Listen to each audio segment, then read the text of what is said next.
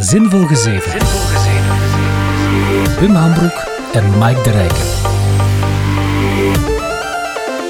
Hallo en welkom bij Zinvol Gezeven, de podcast over technologie, entertainment, lesgeven en alles waar we vandaag zin in hebben, in de hoop dat jij er ook zin in hebt. Aflevering 65, jawel. We zijn bijna begonnen aan het nieuwe semester. We zitten midden in de lesvrije week, dus dat betekent vakantie, feestjes, puntjes, uh, palmbomen. Was het maar waar, ik ben aan het voorbereiden. Uh, maar de persoon waarvan ik zijn va vakantieplannen niet ken, die zit momenteel aan de andere kant van de lijn.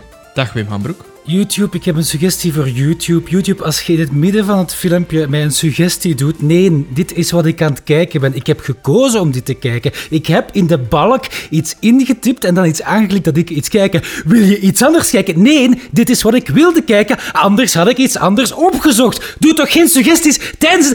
Sorry, uh, dag Maak, hallo. Sorry, ik wist niet dat we aan het opnemen waren. Ik was even.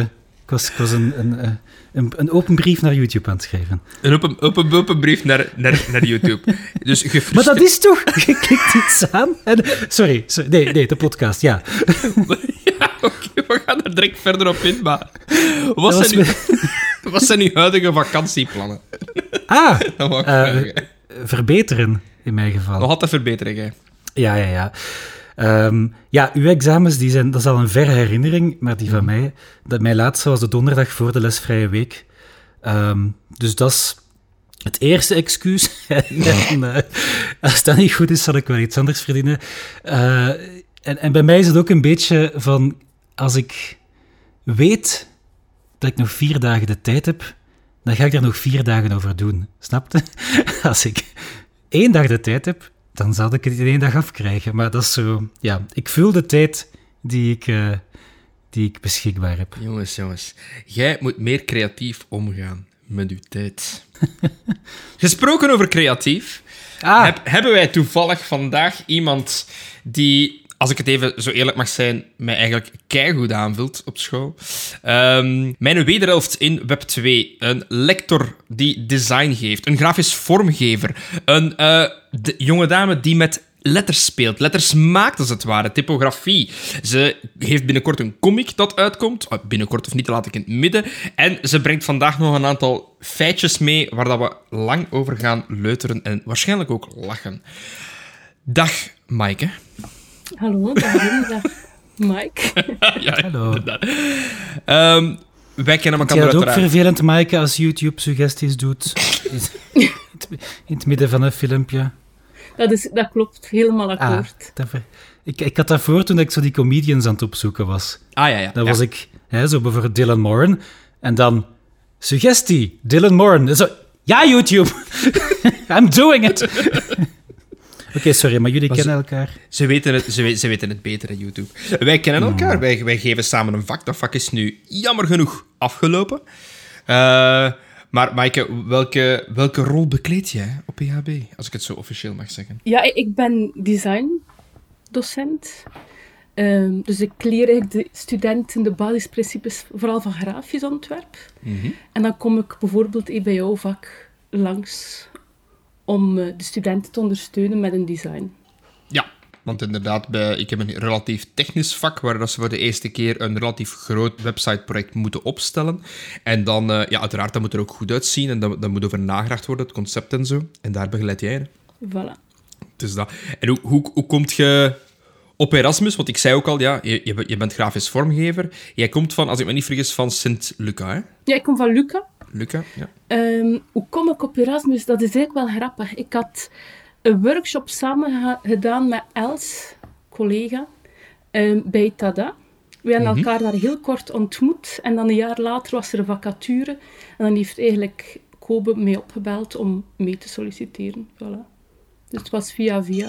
Via via. Gewoon, we hebben het, talent gaan zoeken en we hebben het gewoon binnengebracht. Hopla. Hopla. Hopla. Zo hoort dat. Dus ja, ik, ik, uh, ik, ik, vond, ik vond dat we u iets op de podcast moeten hebben, omdat inderdaad, dat geeft een, een andere kijk. Want wij, allez, Wim en ik, laten we eerlijk zijn... Um, ja, voordat we een zin afmaken, weer al als er uh, kinderen schreeuwen op de achtergrond gehoord worden. Uh, Wim kan die er niet allemaal uitfilteren. Weer al, ze worden niet verwaarloosd. We zitten gewoon in die periode dat ze... Je kent dat, voor mensen die kinderen hebben. Ze zijn te moe ze willen niet gaan slapen, maar eigenlijk zouden ze moeten slapen. Dus ja, moet je ze even gewoon laten uitbrullen in hun kamer. En binnen dit en een kwartier, normaal, vallen die gewoon vanzelf in slaap. En dan kunnen we ze in bed leggen. Dat is voor mij een normale avond, maar ik... je denkt gewoon te schreeuwen tegen je muur zo. Het, het, is twaalf uur, ik ben moe, ik moet gaan slapen. Ik wil niet gaan slapen. Ja, wat blijft er over? Schreeuwen. Oké. Okay. Een beetje wenen, zo. Je hebt daar nog geen probleem mee gehad in Leuven. Ik wil niet werken. de reden waarom dat ik Maaike inderdaad uh, op de podcast ga uit, uh, uitgenodigd heb, is inderdaad omdat Wim en ik durven al een keer zwaar in het nerdy gedeelte te gaan uh, over de eentjes en de nulletjes, zoals mijn toenmalige huidige, mm -hmm. huidige, vrouw dat altijd zegt. En ik denk dat, dat jij eigenlijk een, een veel breder perspectief kan bieden van... Um, ja, niet alleen over wat dat multimedia bijvoorbeeld altijd is, maar we gaan het niet te veel over school hebben. Het is, het is lesvrije week voor iets. Um, maar ook gewoon, ja, die kunstwereld, die, de, de, de zaken waar jij mee bezig bent. Um, ik ben er ook gewoon benieuwd naar. We hebben al een paar keer gebabbeld, uiteraard. Een van de coolste dingen dat ik vind dat jij doet, gaan we direct op invliegen, is uh, die typografie. Um, okay. Jij hebt een passie voor letters, hè? Op een of andere manier. Ja. Hoe, Ja, dat van, klopt. van, van waar komt dat? Want allee, dus is, is, is het de letter F? Is het de letter S? De kronkels? ik bedoel, wat moet ik mij voorstellen bij de passie voor Heb letters? je liever geschreven of ongeschreven? Ehm, goh, a- als vormgever is dat misschien niet ongewoon, hè, omdat dat toch wel een van je belangrijke beeldelementen is waarmee dat je aan de slag gaat. Maar ehm, ik ben net nadat ik afgestudeerd was in Luca aan het Instituut voor Typografie gaan studeren in Antwerpen. Dat is eigenlijk het Plantin Moretus Museum. Dat is een heel oud museum met alle geschiedenis van letters en typografie. Ehm, en ik daar, voor mij is er dadelijk een wereld open gegaan. Ehm, en daarnaast ben ik ook een verzamelaar. En vanaf dat ik dan een mooi letterke vond, dat ik fysiek kon vasthouden, ben ik dat beginnen verzamelen. En dan is dat gescaleerd in een stempeldoos. En ondertussen staan er, staat er in mijn living een letterkast. Een Ehm, letterkast, geweldig. ja, voilà. Dus dat is iets, dat is heel klein begonnen en dat, dat groeit continu aan. En hoe meer mensen dat, die weten dat ik daar, ja, dat ik dat verzamel, hoe meer dat er natuurlijk hier eh, binnenkomt. Tot uiteraard groot jolijt van uw partner, uiteraard. Ja, absoluut. Die, die, die letters blijven. Maar, maar wat, schat, wat ze dan doen? Ja, maar allee, het, is, het is deze keer de X. Allee, kijk naar die symmetrie. Allee, mm. maar Het gev- het gevaarlijke bij ons is, is dat zij ook die verzamelwoede Ah, oké. Oei, dat zij is ook niet wel. goed. Dus Twee dat is, verzamelaars dat bij elkaar, dat is niet Ja. goed. Voilà. Bij mij wordt er met de ogen gerold als ik weer met een of ander nieuw ding kom aanzetten. Dus dat, Ah, ja. dat houdt dat zo wat tegen, omdat dat, dat ik niet te ver ga. Ik zie, ik zie het nu zo voor mij op Late Night TV. Next season on Hoarders. Micah and her partner. living, in the, living in the letters. Will they ever come out? They just need a backspace. Zoiets in zo, zo, ja. Possible. Maar, en, en wat is het exact dat jij verzamelt? Want je zegt van, ja, letters, maar dus stempels zelf? Of, of hoe, hoe, moet ik, hoe moet ik dat zien? Van, van, waar, van waar komen die? Ehm, Iedere letter dat ik kan vasthouden. Maar Ah, ja. daarbij gekoppeld heb ik ook... De ehm, chocoladeletters van de HEMA, bijvoorbeeld. bijvoorbeeld... Dat, dat, is, misschien... Dat is, dat is voor beginnelingen. ehm, Ze zijn ook vrij saai, hè, qua vormgeving. Maar en wel, ja, dat vind ik ook. Sans serve. Ja, dus, klopt. er zitten er zo geen frilletjes aan. Hè. Het is- En eigenlijk ook wel mismaakt, omdat ze daar rekening houden met het gewicht aan chocolade, maar niet Ah, met de ja. proportie van een letter. Maar- dat vind Ah, ik toch punt. altijd fascinerend, dat je dan dus een hele dikke i krijgt en een hele smalle in. Voor Ja, de ja. chocolade. Anders zou het natuurlijk niet, niet eerlijk zijn. Nee, Iemand voilà. die een naam met een M heeft, krijgt dan meer chocolade dan iemand met een... Ja, dat, is, dat, eh, dat snap Op dat vlak, ja. Waar had jij zin in? Ah, wel, de, de letter G. Hmm. Maar dat is wel iets, zo, ik ben daar ooit eens een klein beetje in verzeild geraakt op zo een van die Wikipedia-omzwervingen. Zo lettertypes en inderdaad breedtes en, en wat is dat? Zo de, de, de, de kast, Keurning. grootte en Keurning. Mhm. lengte. Ja, geschreven, De niet geschreven, Mhm. inderdaad. Dat zijn, dat, daar kun je ook... Dat is echt een, een, een zwart gat waar dat je totaal kunt intuimelen. Hè. Daar is zoveel over te, over te vinden. Ehm, bij mij meestal, ik weet er niet zoveel van, maar het valt mij op als het fout gaat. Als het zo Ah ja. te extreem niet gebalanceerd is, dat je denkt van... wacht, dat klopt niet. Als je dan effectief even gaat kijken die afmetingen, dan zie je van, nou, daar klopt toch niet. Niet ik, had een, een, ik had een leerkracht in Plantin Genootschap, het Instituut voor Typografie, die zei, typografie, dat is gelijk een goed parfum. Als je het ruikt, dan stinkt het. Ja, ja. Ah, wel, dat is, dat is inderdaad een goede vergelijking. Uh, voilà. Als hm. het... Maar, maar, en dan, want ja, typografie niet alleen. Hè. Je, je, hebt, je hebt dan die, de, de passie er rond en, en, en geëxperimenteerd daarmee. Maar, maar ik was mee tot op het punt dat je zegt: ik ben mijn eigen lettertypen aan het maken. Ja, ja dan. Oh, uiteraard moet ik erbij stilstaan van dat hè, een Poppins, een Lato, hè, die dat je mij uh, aangeraden hebt, Robota, om er nu, nu een paar te noemen, hè, die ik altijd zie bij mijn studenten. Ah, Poppins, dat is die dat we op EHB gebruiken, denk ik, hè? Is dat niet? Dat kan Wat zeg je, de Poppins? Ja. Ik dacht dat dat het, het officiële Die ronde letter, dat was. Ja, ja, ja. Maar dan van... Ik zeg, ja, die, die komen uiteraard van ergens. Um, maar inderdaad, van dan heb je mij zo, zo getoond van... Jij verft die letters zo, zo tussen, tussen die mooie lijnen voor dan...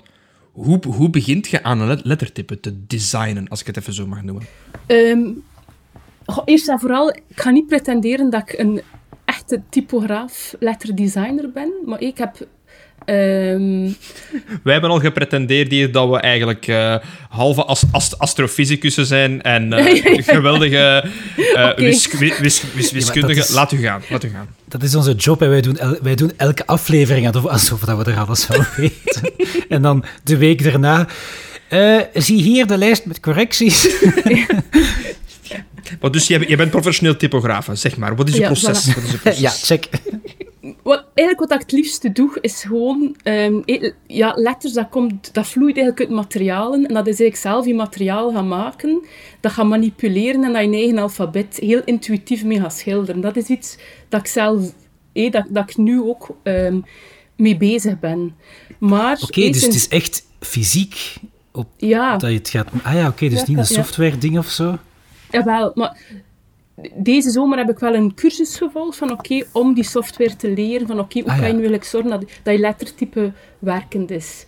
En ehm, dat was een hele korte echt bootcamp, drie dagen keihard, dag en nacht, een, een lettertype ontwikkelen. En dat is natuurlijk vrij tof, om dan vanaf dat je manueel aan het schilderen bent, om dat ook dan digitaal te gaan vertalen. En dat is sowieso een werkwijze mhm. dat ik heel vaak doe in mijn werk. Dat je heel veel manueel gaat produceren en dan eigenlijk ja, digitaal um, ja, um, afverwerken. Ja, en ik, ik, ik verschoot daarvan. Hè. Maar inderdaad, dan dus, dus manueel, want je werd beginnen, eh, je werd beginnen uitleggen hoe gaat het dan in zijn werk. Dus schildert dat dan, of hoe moet ik me dat voorstellen? Uh, ja, met een hele brede, droge brush. En dan krijg je lijnen die niet helemaal vol zijn, maar... Um, nu spreken we natuurlijk ook echt over uh, displayletters die niet altijd de bedoeling hebben om leesbaar te zijn. Ik denk dat dat een belangrijke ah, voetnoot is. Voor marketing ehm, dan of zoiets bijvoorbeeld, voor meer sier toe te brengen of um, displayletters? Ik, ik, denk dat op dit moment nog een gewone werk op zich is. Dat nog niet oh ja, echt gebruikt kan worden allee, in mijn grafisch werk. Dan nu blijft het echt gewoon een poëtisch zinnetje die geschilderd is op papier. Op een gekke manier eigenlijk. Uh, ja, ik, ik, heb een aantal foto's ervan gezien. Ik vond dat wel zeer boeiend. We rekening houden, je spreekt er ook tegen twee relatief, uh, moet ik het zeggen, developers per sang, per, per sang, of, of, hoe zeg je dat? Uh, um, maar wat ik cool vond, omdat je zegt van, ja, ik, ja, wat dat gezegd, hè, ik ben naar de bootcamp, bootcamp geweest voor die letters te leren digitaliseren. En ik zo in mijn eigen van, ja, oké, maar jij kunt toch al met InDesign en, en, en al die Adobe-programma's werken. En dan toonde me dat programma dat, dus dat is een dedicated programma, Wim, voor lettertypes uit te werken. Hè? Echt waar dat je, zo, van, dat je de, de N alleen gaat stylen. Ik zeg van, amai, oké, dat was... Ah ja. Ah ja, want die moet even breed zijn, of niet even breed als even andere letter. Voilà. Ja, maar ik dacht, ik, ik, ik, eh, dacht juist uh, van, uh, gooi dat in, in uh, gooi u, wat is het, uw bovenmarge, uw ondermarge als een grote lijn in InDesign, of whatever dat je gebruikt, en begint daar vormen te tekenen. Hè? Dus... Eventueel zou dat ook heel mogelijk zijn, maar ik kan ook code typen in Word, en dat is ook niet de methode waarschijnlijk, Mike. Dat is iets wat dat... Ah, nee, nee. Als iemand dat doet bij mij, dat is een automatisch gebuist. Ik bedoel, dan geef ik de Ibama-flex-punten voor die persoon direct in. Ook al is het het midden van het semester en lok ik de lijst. Allee, weet je, dan is het in orde. Oké, dan was dat toch een goede vergelijking. dat was een zeer goede vergelijking, ja, klopt. Ehm, oké. Ja, ik heb dat ene keer gedaan met een freeware-programma, maar dat was gewoon om zo'n dom pixelfont uh, te maken. Dat ik echt zo, ja... Ik wilde, het, het, ik wilde een of ander pixelfont namaken. En het mhm. voordeel van zo'n programma is dan ook, daar kun je dan dat exporteren naar effectief, um, ik weet niet wat dat, heet. Met TrueType, ja. Ah, voilà, ja, zo, inderdaad. Waardoor je ermee kan typen, ja. Voilà. En dat kun je dan importeren op een computer, zowel PC als Mac ondersteunen. En dan kun je het effectief in een Word of een Photoshop uh, gaan gebruiken. Dus dat, dat is waarschijnlijk ook het... Uh, maar jij bent typograaf. Wauw. Ja, maar... Ah, ja, maar ja. Ah, ja, maar ja. je zegt het niet juist. Ik heb een, ja, ik heb een mono-spaced pixelfont gemaakt. Ja, Hopla. ja Wim Hambroek, developer, podcaster, typograaf. Het, het, het, het, filmpje dat ik ermee gemaakt heb uh, in de show notes zetten. Ik wilde een clip van Kraftwerk namaken. Oké. Verbaas me ook weer niet dat dat, dat daarbij kwam. Ja, wat, wat hem in het middelbaar hebt getijd, hè, Mike? in het middelbaar heb je dat gedaan? Jongens, toch? Oké. Okay. Weet, middelbaar... Zwat, pre-studies, pre-hogere studies, laat het mij zo zeggen. Oké, oké. Mijn leven... Mijn, dus de, de tijdlijn van mijn leven is relatief vaag. Ik moet daar niet te veel vragen over stellen. Dat is gelijk nu, hè. En, uh, dat, dat van, het voelt alsof dat precies nog altijd 2020 zijn.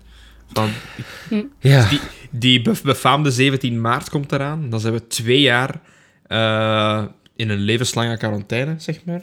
Nee, twee jaar in een quarantaine. Zo, zo, zo voelt het toch? Want jij zit er nu nog altijd in, hè, Maaike? Och, Garme. Oh, ja. Hoe gaat het met jou? Niet te veel last? Het is allemaal oké. Het is allemaal oké, maar ik verlang wel... Ik woon recht tegenover de Carrefour.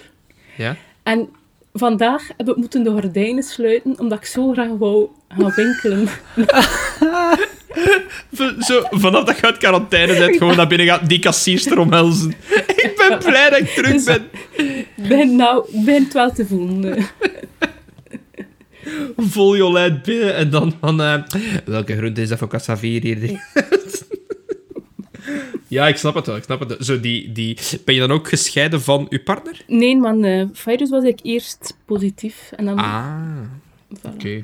Ja, dan is het zo nog een combo, hè? Dus dat is de week na week zelf. Uh, want je bent voor haar ook thuisgebleven waarschijnlijk. Ja, dus voor mij is het nu eigenlijk wel al ja, hmm. toch tien dagen. Oké. Goed, maar dan dacht ik van, hoe, hoe, hoe kan ik haar opfleuren? Wat kan ik eraan doen? Ik zeg, ja, wel uh, een uh, dikke twee uur babbelen met, met ons online. Voilà, kijk, naar regelen we dat wel. ja. Ik weet u niet of dat zo'n cadeau Kijk, ik heb haar toch al een paar keer horen en zien lachen. Dus uh, ik denk dat we op zijn minst al voor deze eerste 20 minuten geslaagd zijn in de opzet. Um, ik had dat natuurlijk aan, ik, had, ik heb u, u natuurlijk aangesproken, Maaike, omdat ik zeg van ja, kijk, we moeten het over kunst hebben. Maar ja, zoals je zelf zegt, kunst is zo breed. Hè. Jij bent grafisch vormgever, um, die, die, die typografie hebben, hebben we het al over gehad. Maar er is iets ook, hè, ik weet niet of je graag hebt dat je erop aanspreekt, maar er gaat binnenkort iets uitkomen van u, hè?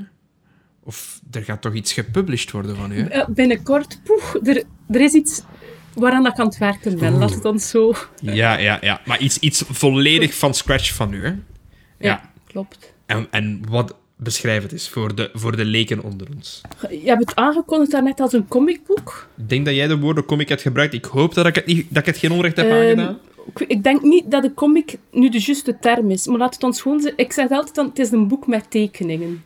Oké. Het is meer graphic novel-stijl. Hmm. Ehm, ik zeg altijd tegen mijn, mijn, moeder, als ze vraagt, dat boek, wat is dat nu? Dan zeg ik altijd, het is een boek, maar het is niet een stripverhaal, het is niet met vakjes. En dan snapt ze het precies. Dus dat is misschien ja. belangrijk om erbij bij te vermelden. Het noemt bloedserieus. Bloedserieus. Heerlijk. Bloedserieus? Een primeur. Een primeur. Bloedserieus. Um, voilà. En eigenlijk het zijn vijf personages die allemaal... Ja, die ik allemaal op een andere manier in het leven staan en die kleine anekdotes en verhaaltjes vertellen, soms tragedisch uit hun eigen leven. Um, maar die verhalen worden ook heel vaak verstoord door sms-berichten, nieuws, nieuwsflashes. Soms kan dat ook een historisch wistje datje zijn. En mhm. eigenlijk is de bedoeling van het boek dat je als lezer eigenlijk na de inzichten die je meegekregen hebt, op een andere manier naar de, de eerste personages gaat terugkijken. dus beeldcultuur en de manier, eigenlijk de kracht van beelden of de manier hoe dat beeldvorming werkt, is eigenlijk voor mij een, een thema. Oké. En die vijf personages, ehm, of is dat een spoiler, lopen die verhaallijnen door elkaar of zijn ze echt allemaal aparte, zijn het korte verhalen allemaal? Het zijn eigenlijk allemaal korte, korte verhalen. Oké, oké. Maar het zijn dus wel, het is wel een verhaal. Dus, dus er zit ook tekst bij, mag ik dan hopen. Van, omdat, Het is niet alleen tekeningen. Oké. Ja, tekst, maar soms zijn het hele kleine verhaaltjes. Hè. Kan dat een heel kleine anekdote zijn. Ehm, soms zijn het verhalen van meerdere pagina's. Hmm, spannend.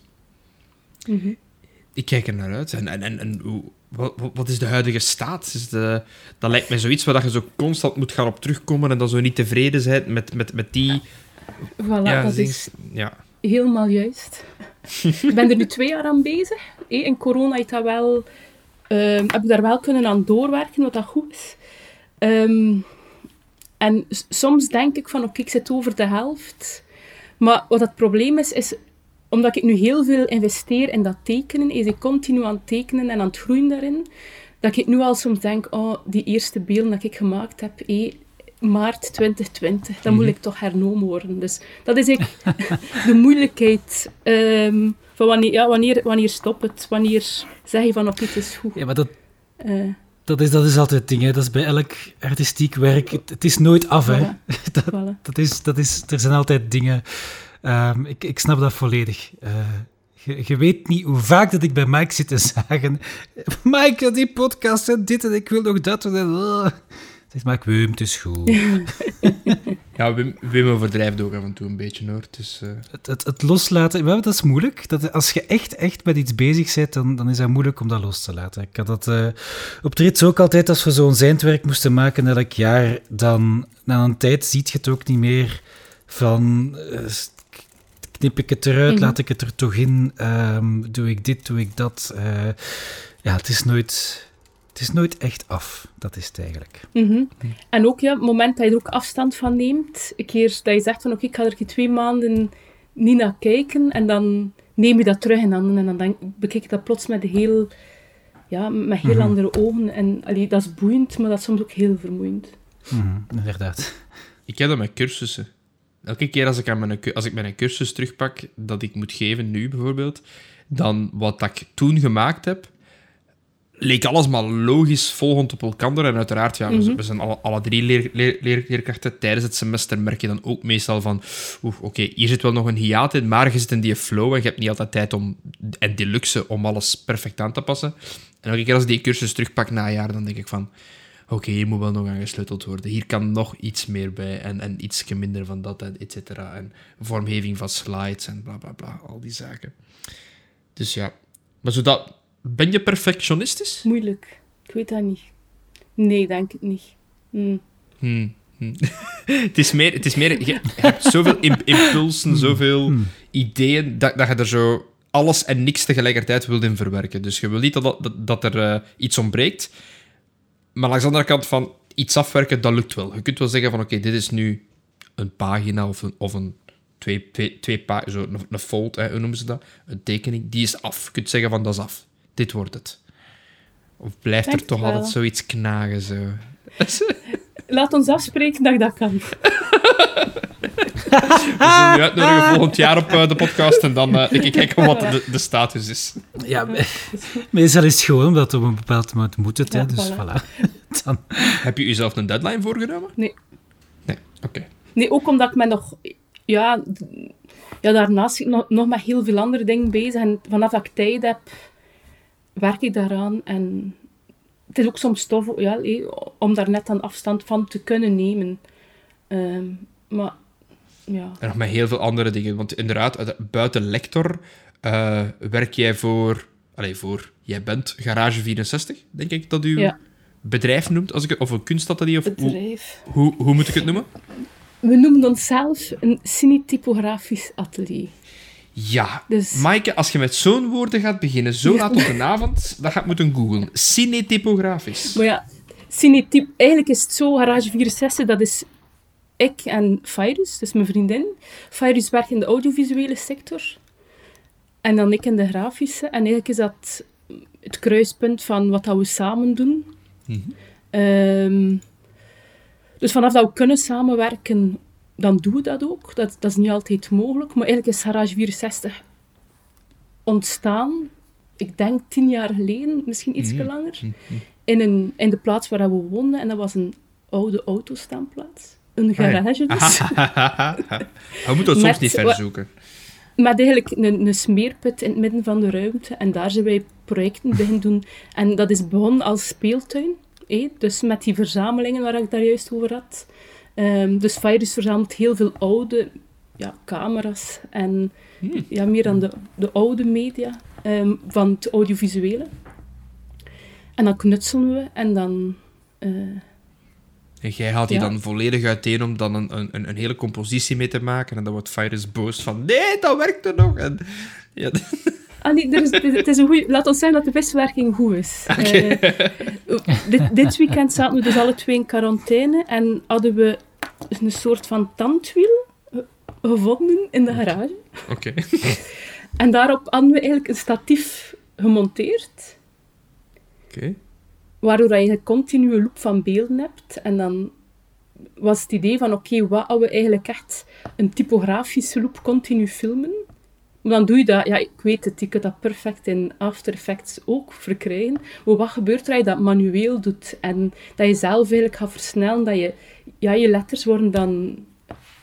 Vervormd, toch? Hè? Ja. Vervormd en, en ah, onleesbaar. En dan, dus dat is nu een, een, iets dat we het probleem... Dat is knutselen. En dan komt er altijd iets uit en dan leggen we dat misschien in de frigo en dan plots kunnen we dat voor een project gebruiken. Ik ging het ook net zeggen, dat is inderdaad zo van dat oud materiaal. Ehm, vaak wordt er inderdaad, ik, ik weet niet wat voor budget gespendeerd om in een After Effects bijvoorbeeld um, perfect goede film bijvoorbeeld dan heel oud mhm. te laten lijken. Ehm, terwijl als je gewoon nog een Super 8-camera op zolder hebt liggen, ja, dan kun je dat zelf doen.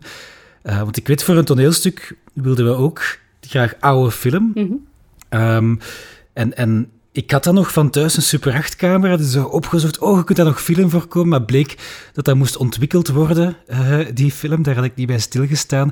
Uh, en dat was een beetje buiten mijn uh, capaciteiten, alleen nog steeds. dat was zo één... Um, hebt... geen labo? Ja, ja, ik, ik ontwikkel nog, nog net niet Je hebt zo geen donkere kamer met zo'n rode schijn. Nee, nee, dus het enige wat, wat, wat, wat, ik weet van Er was nog één, één uh, Agfa-fabriek of zoiets ergens in Duitsland die het deed voor een paar honderd euro. Maar dat was een beetje buiten het budget van een amateurkring. Uh, dus inderdaad, in het montageprogramma uh, 300 filters daarop om, om dat beeld lelijk te maken, eigenlijk. Uh, mm -hmm. Terwijl dat... Allee, lelijk, het is te zeggen. Uh, dat heeft... Uh, film, oude film, heeft een, heeft een andere soort kleur. Grauwheid. dan zo'n beetje. Mm -hmm. Inderdaad, inderdaad. Zoals Polaroid-foto's. Allee, echte Polaroid-foto's. Niet, niet het hippe Instax-cameraatje. Mhm. Instax? dat is zo... Die kleuren zijn zo wat vaag op een bepaalde ik manier. Heb nooit, ik heb nooit het, het Polaroid-effect... Een heel specifiek effect gesnapt. Allee, bedoel, dat is voor hipsters. Zeker voor nu, hè. Ik bedoel, vroeger snap ik. Dat is volledig voor hipsters. En ik ga ook uh, grif toegeven dat ik daar 100% ben ingesteld. uh. oh, ja, ja. Maar ik heb, wel, ik heb wel letterlijk nog een Polaroid-camera die ooit van mijn opa was. Ah ja, oké. Okay. Okay. Um, een Polaroid SX70. Um, dus dat is echt nog wel... Mike, gaat u bellen na de, ja, ja. Na, de podcast. Kunnen we geen deal maken? Het is een schone verjaardagscadeau voor, voor mijn lief. ja, maar het is een beetje een familiestuk. Ja, dat betekent dat de prijs gewoon omhoog moet, hè, Wim? Allee, bedoel... Uh... Ja, ja, op die manier. Oké, oké. Okay. We zullen eens praten. Bij audio van hetzelfde, hè. Uh, fysieke zaken, dat is nog altijd... Uh, allee, je kunt dat... Je kunt heel veel werk steken in het na te maken, maar als je het echte ding hebt... ja, en dat namaken, maar goh, dat, kun je toch, dat zie je toch altijd. Hè. Ik vind echte pellicule... Mm. Uh, toch iets helemaal anders mhm. dan die een grij ja, daarop zet. Of die krasjes die dan zo om de 10 seconden, die loop, dat je dan aan voelt. Van, ja, dat ene ja, ja. komt continu terug. inderdaad, dat, dat is het vaak, hè, dat dat zo exact dezelfde... Ja. en ik denk ook, dat, vaak, zo, zeker van die grote producties die willen dan... Allee, die overdrijven altijd een beetje. Om zo het aan het publiek heel duidelijk te maken van... Kijk, het is oude film. Weet je wel. Weet je wel, in de tijd zo. maar ik vind, ik vind dat wel tof, zo, zo het, uh, het fysieke. En want... Um, ik weet niet, je hebt, allez, want je hebt nog niet alle afleveringen geluisterd van uh, Zinvol 7. Maar er is nog tijd om in te halen, uh, Maaike. Geen zorgen, geen zorgen. um, maar we hebben ooit gezegd, en we gaan dat zeker nog doen, zeker nu dat de podcast om de twee weken is, hebben we iets meer creatieve vrijheid, um, gingen we zo'n keer een, een fictiestuk opnemen. Maar een fictiestuk met... Uh, allee, korter, hè, geen, geen, geen, geen, twee uur. Maar dus met een script met acteurs. Allee, bedoel, uh, Wim en ik bijvoorbeeld, maar nog met eventueel andere mensen. Maar iets wat dat daarbij komt kijken, en wat ik heel hard naar uitkijk, en dat ik fysiek wil doen, zijn de sound effects. Mhm. Als er, als er ah, iemand over grind loopt, dan wil ik dat. Ik wil niet gaan zoeken, grind effectje. En dan, snapte ik wil dat effectief van of dat wij dat zijn, dat maakt mij geen fluit uit, maar ik wil dat gewoon gaan opnemen van... Dan kun je gaan zeggen, oké, hoe lang moet dat duren? Ja, dat moet zeven seconden duren, want in die zin is dat zeven, dan moet er zo op gemonteerd worden. Dan neem je exact zeven seconden op, hè. Dus... Nee, nee, dan neemt je een minuut op en dan knip je er juist het ja, mooiste ja, stukje uit. Oké, oké. maar, maar, maar ik snap waar je naartoe wilt. Het is inderdaad veel toffer om dat dan mhm. artisanaal eigenlijk te gaan uh, bijeensprokelen in plaats van... Hoewel ik hem heel graag heb, uh, de BBC-klankbip aan te spreken. Ah, ja, ja, dat, is plan, dat is altijd plan B. Ja, maar dan zo een deur dat dichtslaagt, een glas dat breekt, uh, een vrouw dat schreeuwt, maar echt zo, ah, zo in de verte zo. Nee. Mm, mm. Ja, maar zo zou je je soms verbazen. Uh, soms klinken dingen ook niet als de dingen die ze zijn. Ik, ik zal me nader verklaren. Verklaar u nader, Boema we moesten op het rit zo, ik weet niet voor een of ander audio-ding, uh, het geluid van iemand die dan zo door uh, zo het voortuintje naar binnen komt, maar dat was zo'n hekske dat hij mm moest open doen. Dus ja, we gaan naar zo iemand zijn huis die dat heeft en die doet dat. Maar op opname, dat klinkt gewoon zo als een beetje eh, zo geratel en, en geklikkel, klak in de verte. Dat, dat, dat, je kon daar niks uit opmaken. Dus soms is het ook wel...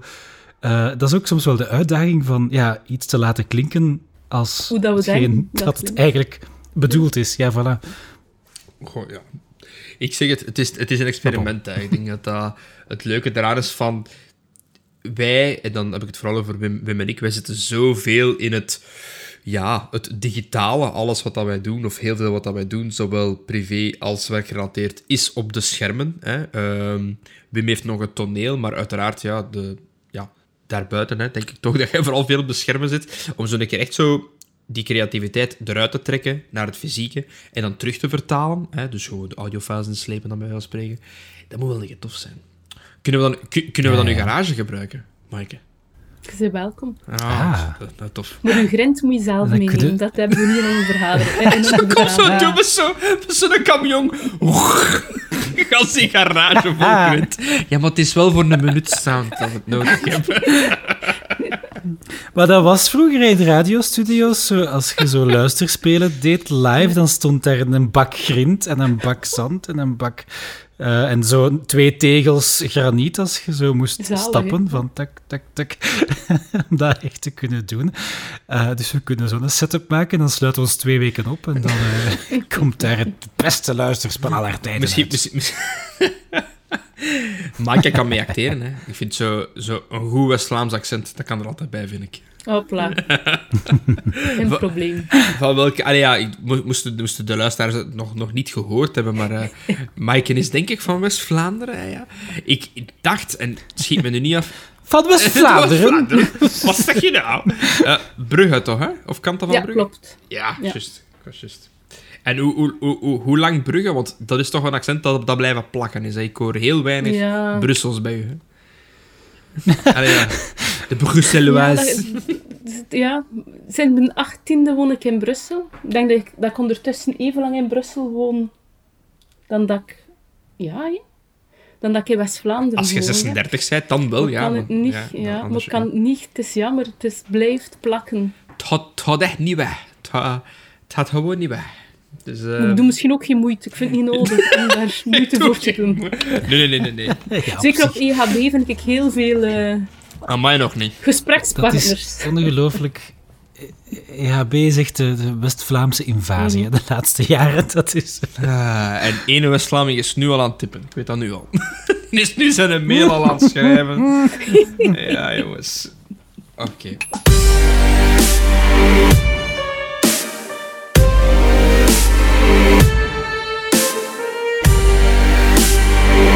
Goed, en voor we naar het volgende topic gaan, toch nog even de standaard bumper. Want dit uiteraard is zinvol gezever die nu ene keer om de twee weken te horen is op alle podcast services van Spotify, Apple Podcast en uw lekker nerdy RSS-feed. Eh, er is geen fysieke versie voor uh, Maaike om te verzamelen, maar waar, waar, je wel kan naar gaan kijken is uiteraard de YouTube-versie, waar je een like, share en subscribe kan op achterlaten. Maar meer belangrijk voor ons, nog meer dan die befaamde like, die befaamde subscribe, is een commentaar. Want sommige commentaren kunnen leiden tot een heel topic dat een uur vult. Um, op de podcast. Uh, waarvoor dank, want ook op Spotify ga je af en toe een poll of een question vinden. Hè. Is, uh, ik heb het vorige keer al gezegd, in onze software laat het toe om elke aflevering een poll of een, uh, een gewone open vraag in Spotify toe te voegen. Dus als je een luisteraar bent op Spotify, scroll eens naar beneden op die episode, kijk eens naar die vraag en geef er gerust een antwoord op. de vorige aflevering, die ik persoonlijk een van de betere vond dat we ooit gedaan hebben, is puur omdat er één persoon een vraag heeft gesteld. Dus voilà, bij deze. Uh, jullie zijn allemaal vrienden. Laat die commentaren komen. Constructieve feedback altijd welkom. En zoals ik al zei, jullie zijn vrienden, maar de beste vrienden die gaan naar www.zinvolgezever.be en die kunnen daar een digitale duit in de digitale buidel doen om, zo, om ons toe te laten om nog betere content te maken. En dan nu op naar het volgende topic. En de pol van deze week is Paul Bolanzee, zinger van The Strangers. Sorry. Dus die, Wat? Die mop zit al twee weken klaar om te maken. De... Oké. Okay. Dat je altijd zegt, we doen de pol eh, en dan... Ja, dan... Ik vind het goed. Niet was... knip, nee, niet terugknippen. Ah, ik reken erop in. Yes, toch één fan. Dat gaat naar een feedback zijn als je zo stuurt van... Wilde ik je luisteren of, of dat alles wat, wat dat je hoort? Uh, uw polmop zit er niet in. Ja. Uw slechte mop zit er niet in. Goed, maar dan gaan we over... Ik heb uh, Maaike een klein beetje huiswerk gegeven.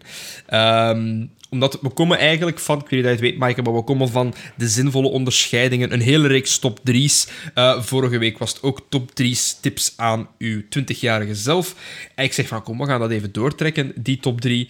En ik had graag van jou, met dat we dan toch in die kunstwereld zitten, in het vormgeven, in de designwereld... Uh, drie historische feitjes. Je hebt het zelf al aangehaald, dat je die, dat je die mhm. wel leuk vindt om die te ontdekken en, en die te verwerken blijkbaar in je materiaal. Om er een drietal op te lijsten. Dus ik heb dat aan jou gevraagd. Ik heb dat meegedeeld aan Wim, dat ik dat aan jou gevraagd heb. En in pure Wim-fashion heeft dat, dat uiteraard ook gedaan. Ook gedaan. Dus... Uh... Ja, ik heb, ik heb het liedjes anders geïnterpreteerd. Uh, ik dacht eerst als mop gewoon allemaal... Uh, gewoon uitgevonden feitjes te poneren. Van, ah, wist je trouwens dat Hitler de kleur uh, geel heeft uitgevonden? Hmm. Uh, maar als alternatief heb ik inderdaad twee feitjes over kleuren die ik zelf wist. Eentje heb ik even nagekeken of het echt waar was. En dan heb ik een derde, een derde uitgevonden. En dan kunnen we straks het spelletje spelen van... Hè, welke zij juist en welke is, uh, is de verrader? Ik heb uh, drie historische feiten over wc's. Dat is het beste wat ik kan doen. Haha, dat is ook leuk. maar ik zou zeggen, kijk, uh, onze gast mag de spits afbijten. Oké. Wat is een van uw feitjes of verhaaltjes? Het zijn eigenlijk verhaaltjes. Verhaal, en het zijn zo, voor mij, wat ik altijd heel... Um, spannend vind, zijn zo historische onnozeligheden, maar die gigantisch veel impact hebben gehad op de geschiedenis. Um, en die verzamel ik eigenlijk al jaren. En die maken ook bijvoorbeeld deel uit van het boek waarover we daar juist had hebben. Maar Bloedserieus, 2022. Bloedserieus. Ja. Voilà. we bevinden ons in de 15e eeuw. En eigenlijk op dat moment moet je je voorstellen dat schilderkunst vooral een mannelijke aangelegenheid was. Hè. Uh, dat procedé, het schilderprocedé, is eigenlijk iets heel ingewikkeld. dat, dat, dat nog niet in tubjes, maar dat is echt pigment dat je gaat mengen. Um, ja, heel veel kennis nodig. Ja, dat levend model nodig. En dat was echt uitsluitend voor mannen. Maar ja, natuurlijk altijd de vrouw van de schilder of de dochter van de schilder die soms eh, over haar schouder wat meekeek en die stiekem in het weekend de restjes verf eh, ging opgebruiken. Maar uitsluitend mocht zij eigenlijk stillevens schilderen. Oeh, wat een rebels zeg. Dus ze mocht geen mensen schilderen? Dat bedoel je? Het is een vraag, nu voor jullie. Wat heeft eigenlijk dat om doen slaan? Dat uh, vrouwen mochten uh, andere dingen schilderen. Als, want ze mochten wel schilderen, uh, verstaan ze mochten niet, Eigenlijk mochten ze niet schilderen. Maar ah, je had dan die sommige vrouwen die dan eigenlijk toch nog... Ja, die eigenlijk de kunde toch meekregen mm door een vader of door een echtgenoot. Die, ja, en welke tijdperiode was het? Eigenlijk in de 15e eeuw. En er was eigenlijk plots een ah, ja, echt, ja, technologisch een uitvinding. Iets, iets wat dat... Waar dat Wikipedia-uitvindingen 15e eeuw. Het, wie, nee, um, en wil dat dan dat, zo iets wat dat technisch makkelijker maakte? Voor een vrouw? Maar, wat, wat, ik, ik, zie geen verschil tussen mannen en vrouwen in de 15e eeuw versus nu, bedoel ik. Ja, mijn, mijn eerste gedachte was de boekdruk, boekdrukkunst, maar ik weet niet wat dat ermee te maken heeft. nee, het is wel heel dat was rond die periode, periode. Maar net voor de boekdrukkunst is er een heel gemakkelijk procedé ontwikkeld voor spiegels te maken. Voor spiegels te maken? Ja, dus wat gebeurt er in die huizen? Ja, ja, ik snap het. Komen er plots spiegels en stiekem gaan die vrouwen eigenlijk zelf portretten beginnen Ja, inderdaad, hun eigen schilderen. Omdat ze eigenlijk, ze ah, mogen niet alleen het model schilderen, maar eigenlijk mogen ze wel, en ze wel het lef om een zelf te schilderen. en dat is zoiets kleins, maar zo stom, wat een impact dat dat eigenlijk had heeft dan ook later op de kunstgeschiedenis. Ah, ja. Ehm, en op de manier dat we naar beelden kijken. Eigenlijk straffer nog, eh, wat je dan ook had, is dan... Dus vrouwen begonnen stiekem zelfportretten te schilderen, maar wouden eigenlijk ook ja, een beetje provoceren. Ah ja. En vanaf dat je als vrouw jezelf schilderde met een glimlach, dat was dat eigenlijk echt aanstootgevend. En vooral als je je tanden zichtbaarder maakte. Dat was echt... Dat was ah, een soort prostitutie, dat kon niet. Ja, sorry, tanden, daar word ik super geil van. Allee, ik wil niks zeggen, maar ja. Vanaf het moment dus- dat ik een gebit zie, dan pijs ik...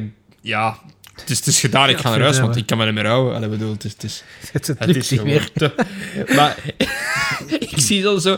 Ik vergelijk dan zo die historische feiten met zo van in de huidige maatschappij. Dus stel je dat, dat onze huidige jongeren de spiegel ontdekken om zelfportretten te maken. Ik stel me dan direct zo duckfaces voor van uh, hoe gaat men... zo, de huidige Instagram-modellen. Ja, maar eigenlijk, eigenlijk is het zo, hè. die een smartphone is op een of andere manier ook een, een spiegel. Dus op, op dat vlak eh, klopt je redenering wel. Ja, uh, het is echt... Oh. ja.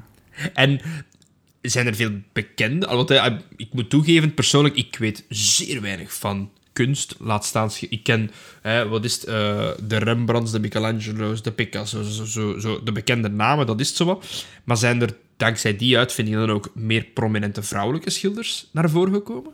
Die zijn eigenlijk pas later ontdekt, hè. Ah, oké. Um, ja, ja, er is...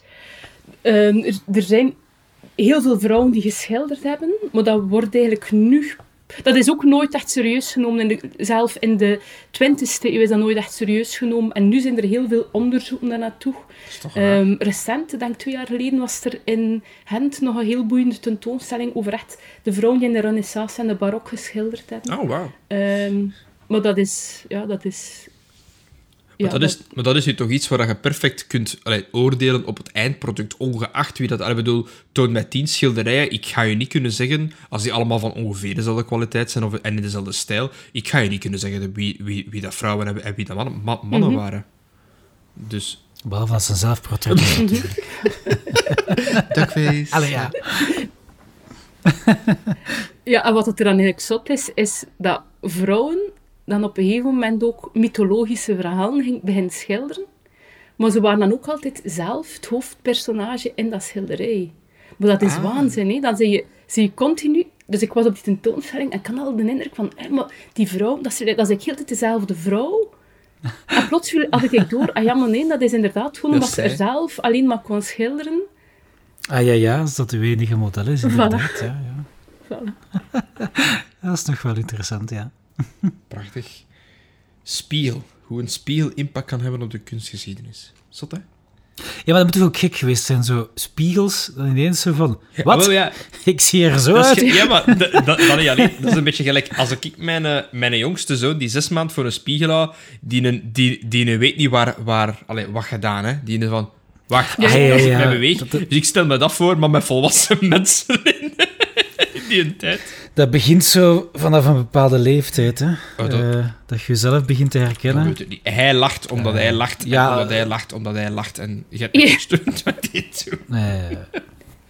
Lacan heeft daar een heel lang ding over, over het zo te spiegelen, het, het, het, het gecastreerde perfecte Oh. evenbeeld. en Oké, in plaats van over gecastreerde Ja, ki- kinderen Dat- beginnen... Maar kunt gaan we niet... eh, nee, niet Ja. over... Ja, ah. Wim, jij had ook nog een anekdote. Dus je hebt er één dat waar is, één dat niet waar is. En, en, wa- en wat is het andere?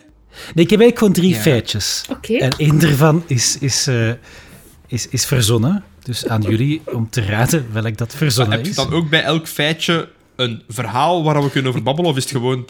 Dit is, Ik, ik, ik heb elk feitje een beetje Ah, ja, niet echt een, een, een verhaal het is een podcast, hè, Wim? Dus Ehm, voilà, we moeten wat... eh? Ja, ja. Ik zal, ik zal anders gewoon eerst de feitjes eh, Spannend. Zeggen en dan aan, aan jullie om te raden wat het... eh, wat, wat, is uit, wat, wat uitgevonden oké, is. Eh, dus handen van de gsm en weg van de Nummer keyboards. Eh, nummer 1, 1, 1. In het oude Griekenland was de hemel brons. Nummer 2. De kleur indigo is uitgevonden om rogbif of rooibif van de regenboog, hè, het geheugensteuntje, te laten werken. Anders had je rogbv. En dat, dat klinkt niet zo goed. Feitje 3. tegenwoordig is het klassiek om bij baby's een meisje roos aan te doen. En bij jongens eerder blauw. Maar voor de Tweede Wereldoorlog was het omgekleerd. Dan was roos de kleur voor jongens en blauw de kleur voor meisjes. Voilà, zie. Drie, mijn drie weetjes. Eén ervan is compleet Ik ga al verzonnen. direct inspringen. Oké, het, eh, zalig. het, eh, sowieso, het, het roos, eh, roosblauw, dat is waar. Want dat weet ik, eh, dat Ja. weet ik van vroeger. Allee, gewoon, dat is me ooit een keer verteld geweest. Dat, dat is zoiets van, aha! En dan onthoud je dan. Maar waarom, wa- wa- wa- maar waarom is dat zo? Jij- Heb jij dat dan opgezocht? Ja, maar ik ga eerst... Jullie moeten eerst nog tot een consensus komen welk dat het, eh Ik ben het vals is. dus die, die kunnen we uitschakelen. En, Dat is inderdaad waar. En dan hebben we nog... Was in het oude Egypte was de hemel Ah ja, brons. in het oude Griekenland was de hemel brons en de kleur indigo is Griekenland. uitgevonden om het, eh zo dat ezelsbruggetje te Ja. laten wanneer is indigo uitgevonden? Sowieso, dat Want ja, was... dat is toch maar een, dat is toch maar een samenstelling.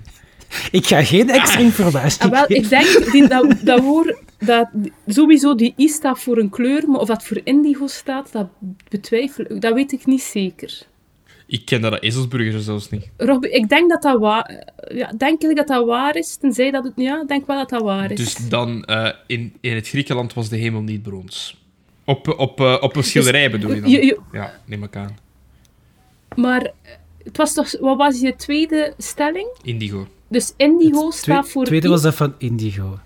En of dat, of dat in- indigo voor de I staat of niet voor de I. Wel, Nee, nee, dat is uitgevonden om daar een i in te kunnen zetten, omdat anders het eh, Nee, dat is niet, niet waar. klopte. oeh. Dat is niet... Eh, kijk, ik, ik, Nee, nee, nee. M&M, Powerteam, eh ik volg, ik volg Maaike. Die, die I staat sowieso voor, voor de kleur. Dat geloof ik niet. Allee. Ja, het rood, oranje, groen, geel, blauw, indigo, violet. Ja, dat klopt. Of red, orange, yellow, green, blue, indigo, Maar, violet. maar dus het punt is van, Ehm, is indigo uitgevonden maar- voor maar- dat? Eh, Om maar dat te is zo'n onnozel ezelsbruggetje. Dat, vormt zelfs, geen- dat is zelfs geen deftig woord. Allee, bedoel... Ja, maar ja, als, als de ieder niet Oh, is, dan ja. moet je zeggen... Rogbif. Dat Oké, gaat niet, hè? we kiezen voor twee final answer. Dus dit is eh, Jullie definitieve antwoord? Ja, we, we, hebben geen hulplijn ingezet, want we voelen dat we door kunnen gaan naar de volgende ronde met enkel dit antwoord. Oké, oké. Ik kan jullie zeggen, voor 10.000 euro, het antwoord is... Juist! Yes, yes. Dus inderdaad, dat was het, het, het, het, eh, het foute feitje. Ehm, Indigo bestond uiteraard al langer. Wat wel zo is, ehm, initieel waren die ehm, kleuren, was de acroniem anders, dan ontbraken er nog twee kleuren. En dus hij heeft er wel kleuren bijgevoegd. Wie is hij? Om het, eh, die mens die dat heeft uitge... eh wacht, hè. Eh. Waar is het artikeltje neer? Ah, meneer Newton. Ah ja, uiteraard, want die was bezig met lichtsplitsing. Ehm, en met, eh, als je het licht in een prisma splitst, dan krijg je de mooie kleurtjes van de regenboog. En dan is hij beginnen met dat te mappen. Eh, en in het begin had hij vijf kleuren, maar dan heeft hij oranje en indigo eraan bijgevoegd om eh, het... het eh, het, omdat dat dan zou overeenkomen met het aantal muzieknoten in de, eh, de major scale. Eh, dus hij De, wilde de daar acht zo- noten dan. Ah ja. ja, hij wilde daar een soort van symmetrie in, om een of andere reden. Ehm, maar ja, de kleur indigo zelf bestond natuurlijk al wel. Dus is, het is niet uit de Ja, het is- uitgevonden. Oh, ik ging juist zeggen, je kunt moeilijk, denk ik, kleuren uitvinden. Die hebben altijd al bestaan. Het is Ja. gewoon, iemand gaat ooit een keer gemengd hebben en hij Ja, best... of, ontdekken. eh, hè. ik had misschien het woord ontdekken moeten gebruiken. Ja, ja, ja, oké. Voilà. Dus dat was het eerste niet ware feitje. Maar dus, om dan direct over te gaan naar eh, eh, de Wereldoorlog. Groen, eh, groenroos, wat zeg ik niet? Blauwroos. Wat is daar de logica van? Ik heb dat geweten, ze, maar het is echt lang. Dat is, dat is door de geschiedenis is het een paar keer veranderd. Eh, blijkbaar eerst was het gewoon baby's werden in het wit ehm, eh, gekleed. Dat wordt denk ik nog altijd wel gedaan. Maar Voor dopen. dan is dat langzaam zo, werd dat ja, in de mode om dat te doen. En dat is wel leuk, want er werd gezegd, waar staat het hier? Ehm, Pink is appropriate for boys, as it is a stronger, bolder color. Uh, and the pastel tones of blue are better for girls. Eh, zo ziet je maar, eh, je kunt er altijd wel een draai aan geven. Terwijl nu is het, is het duidelijk het omgekeerde. Hè. Roos wordt meer gezien als, als iets vrouwelijk zacht, terwijl dat blauw dan zo'n soort van, ik weet het niet, sterker of mannelijke... Allee, dat is ook maar... Dus het is maar wat dat je, er, eh, Mhm. wat dat je eraan eh, maakte. En tijdens de... Ergens in de Wereldoorlog is, het, ehm, is dat geswitcht. Eh, sommige bronnen zeggen dat het was omdat ehm, tijdens de nazi's de, de homo's zo'n een roze driehoekje op hun Mhm. arm kregen. Ehm, maar dat, dat wordt niet echt... allee, er is.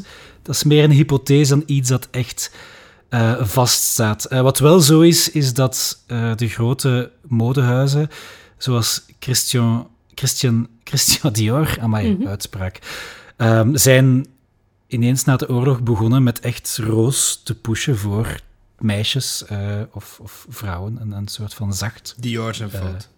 roos. Dus eigenlijk is het, dat is het enige wat vaststaat. Het is, ja, het is Dior zijn fout, voilà.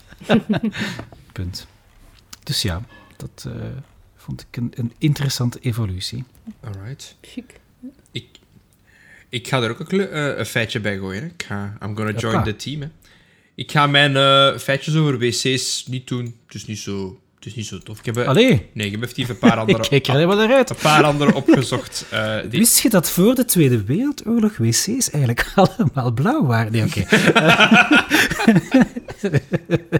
Ah, ik kon daar zo'n mop over maken, maar dat ging er los over gaan. Dus we gaan dat niet doen. Maar ik is een beetje moe.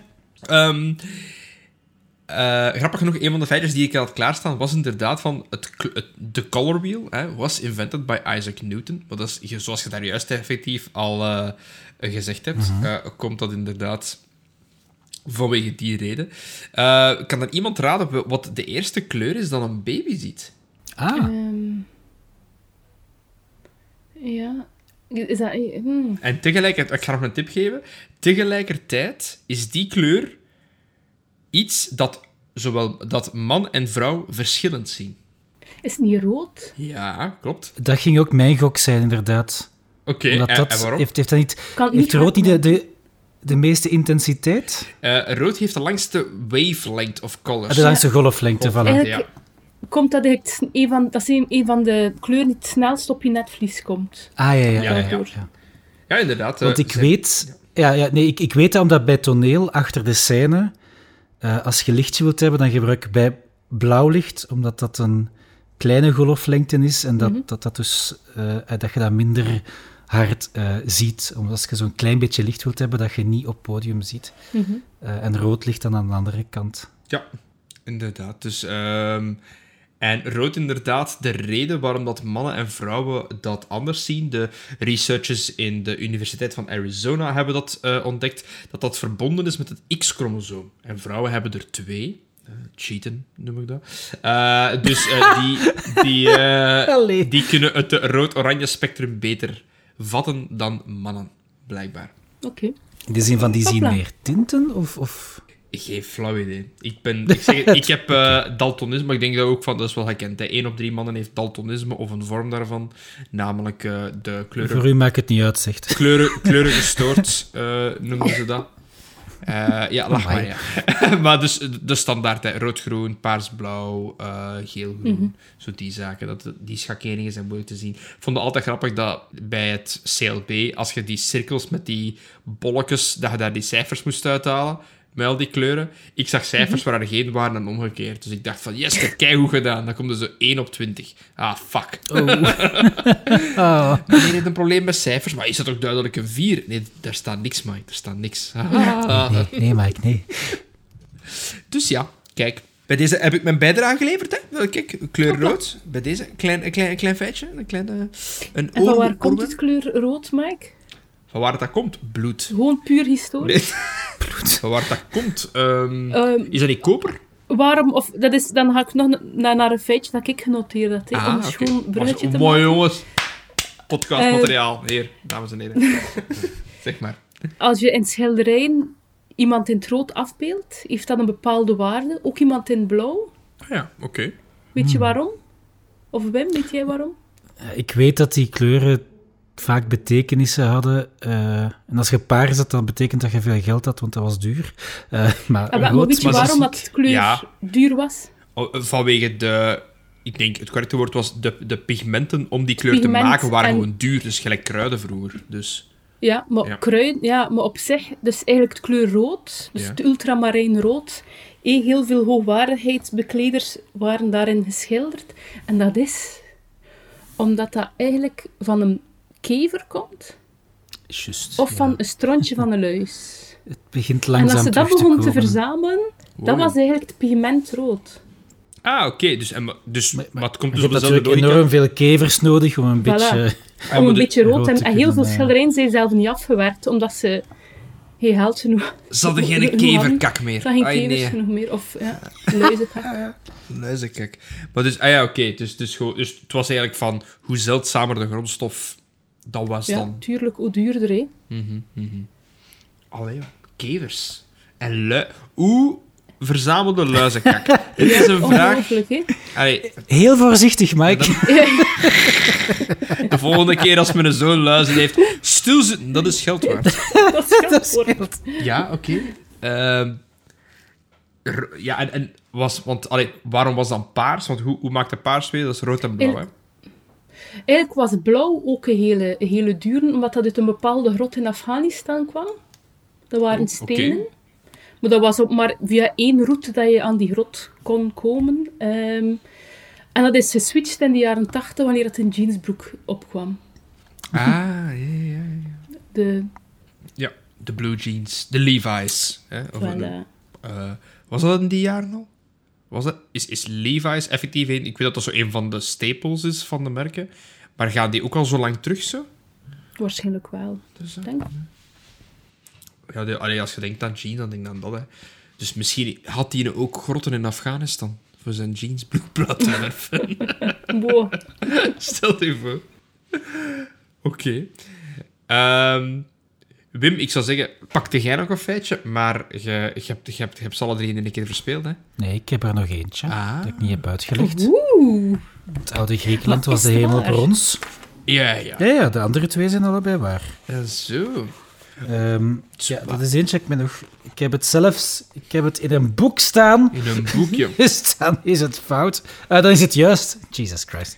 Goed bezig. Eh, nee, de, de kleur in het oude Griekenland was helemaal brons. Simpelweg omdat er geen woord was voor blauw.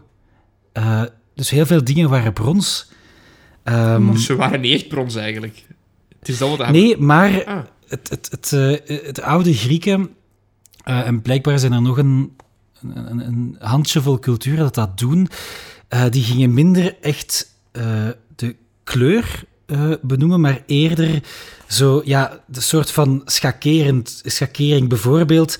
Eh, bepaalde dingen zoals, eh, als je zegt van dat is eh, geel, dan, dan kan dat zijn eh, bloed of, of ergens een sap van iets. Iets dat een, een, een hevige, eh, levendige kleur eh, voorstelt. Ehm, Dus daarom dat dat, eh, dus dat dat woord blauw was er niet echt. Dus veel dingen waren dan brons of, of eh, rood.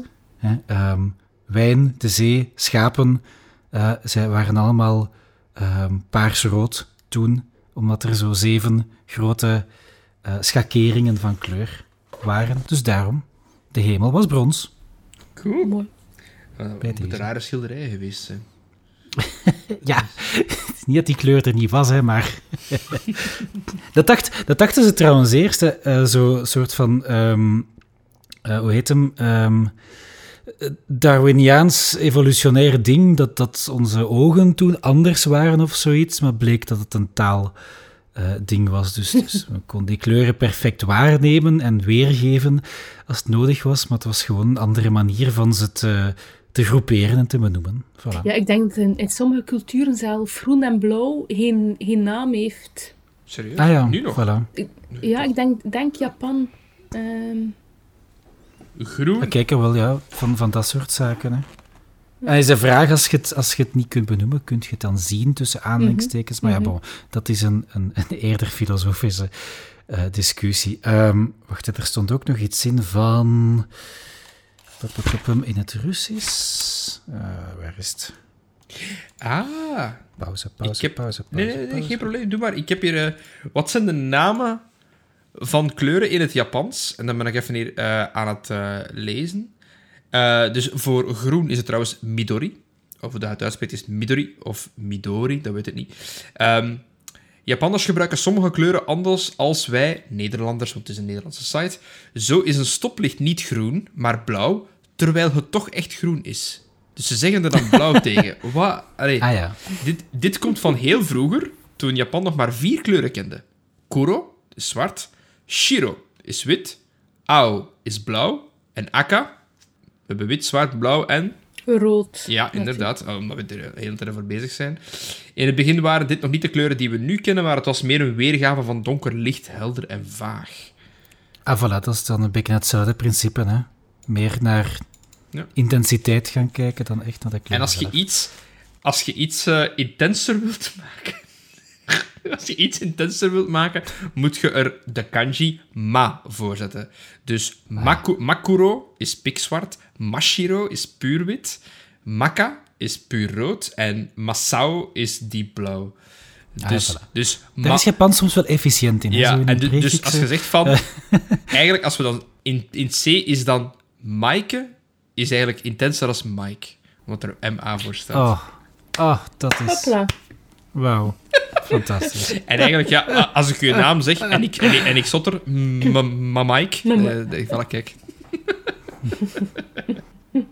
Bon, ik heb er nog andere Japanse feitjes, maar bon. Ja.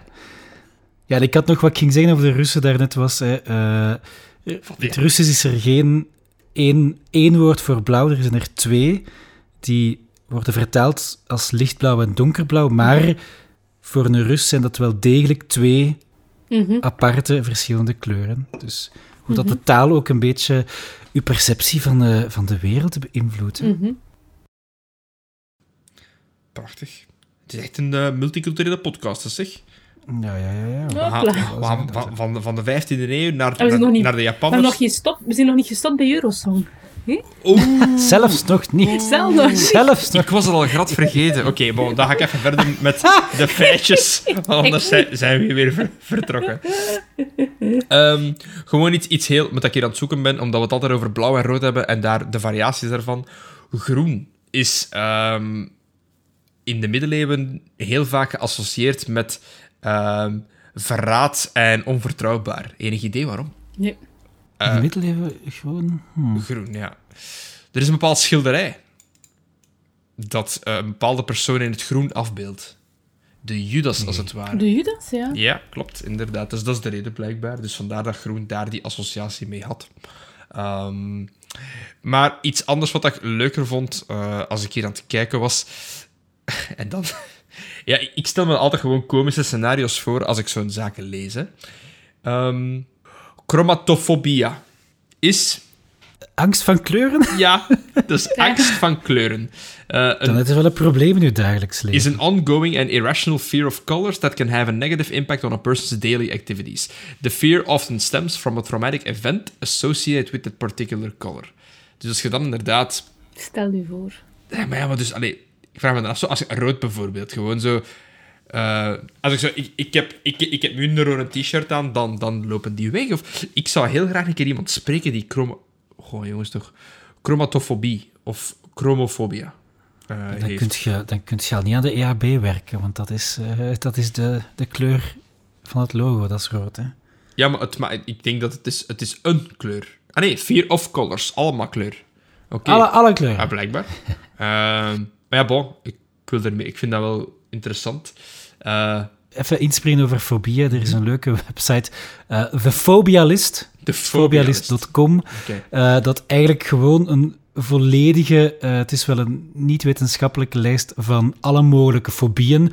Eh, dus er staan ook fobieën op die gewoon ooit eens een naam hebben gekregen, niet noodzakelijk waar dat onderzoek is naar gebeurd. Ehm, en eh, van boven in de disclaimer staat... Please don't ask me about curing phobias because I know little about them. My interest is in the names only. Oké. Dus denk, eh, als je ooit iets... En inderdaad, chromatofobie... eh, of zo, nee, chromofobia, sorry. Of chromatofobia. Chromatofobia. Fear of colors. Zeg dan ik het één keer. Chromatofobie is eh, angst van geld. Dat bestaat ook. Oké. Ehm, het, het laatste, en daar ga ik erover stoppen, dat is de laatste dat ik echt interessant vind, al de rest is maar mij. Ehm, welke, ik ga het vragen aan jullie. Welke twee kleuren maken u honger, hongerig? Welke twee kleuren hebben dat effect op de mens? En dat zijn studies al, zijn al studies die al jaren uit zijn. En als ik zeg jaren, dat wil zeggen dat bedrijven dat ook weten. Groen? Ja.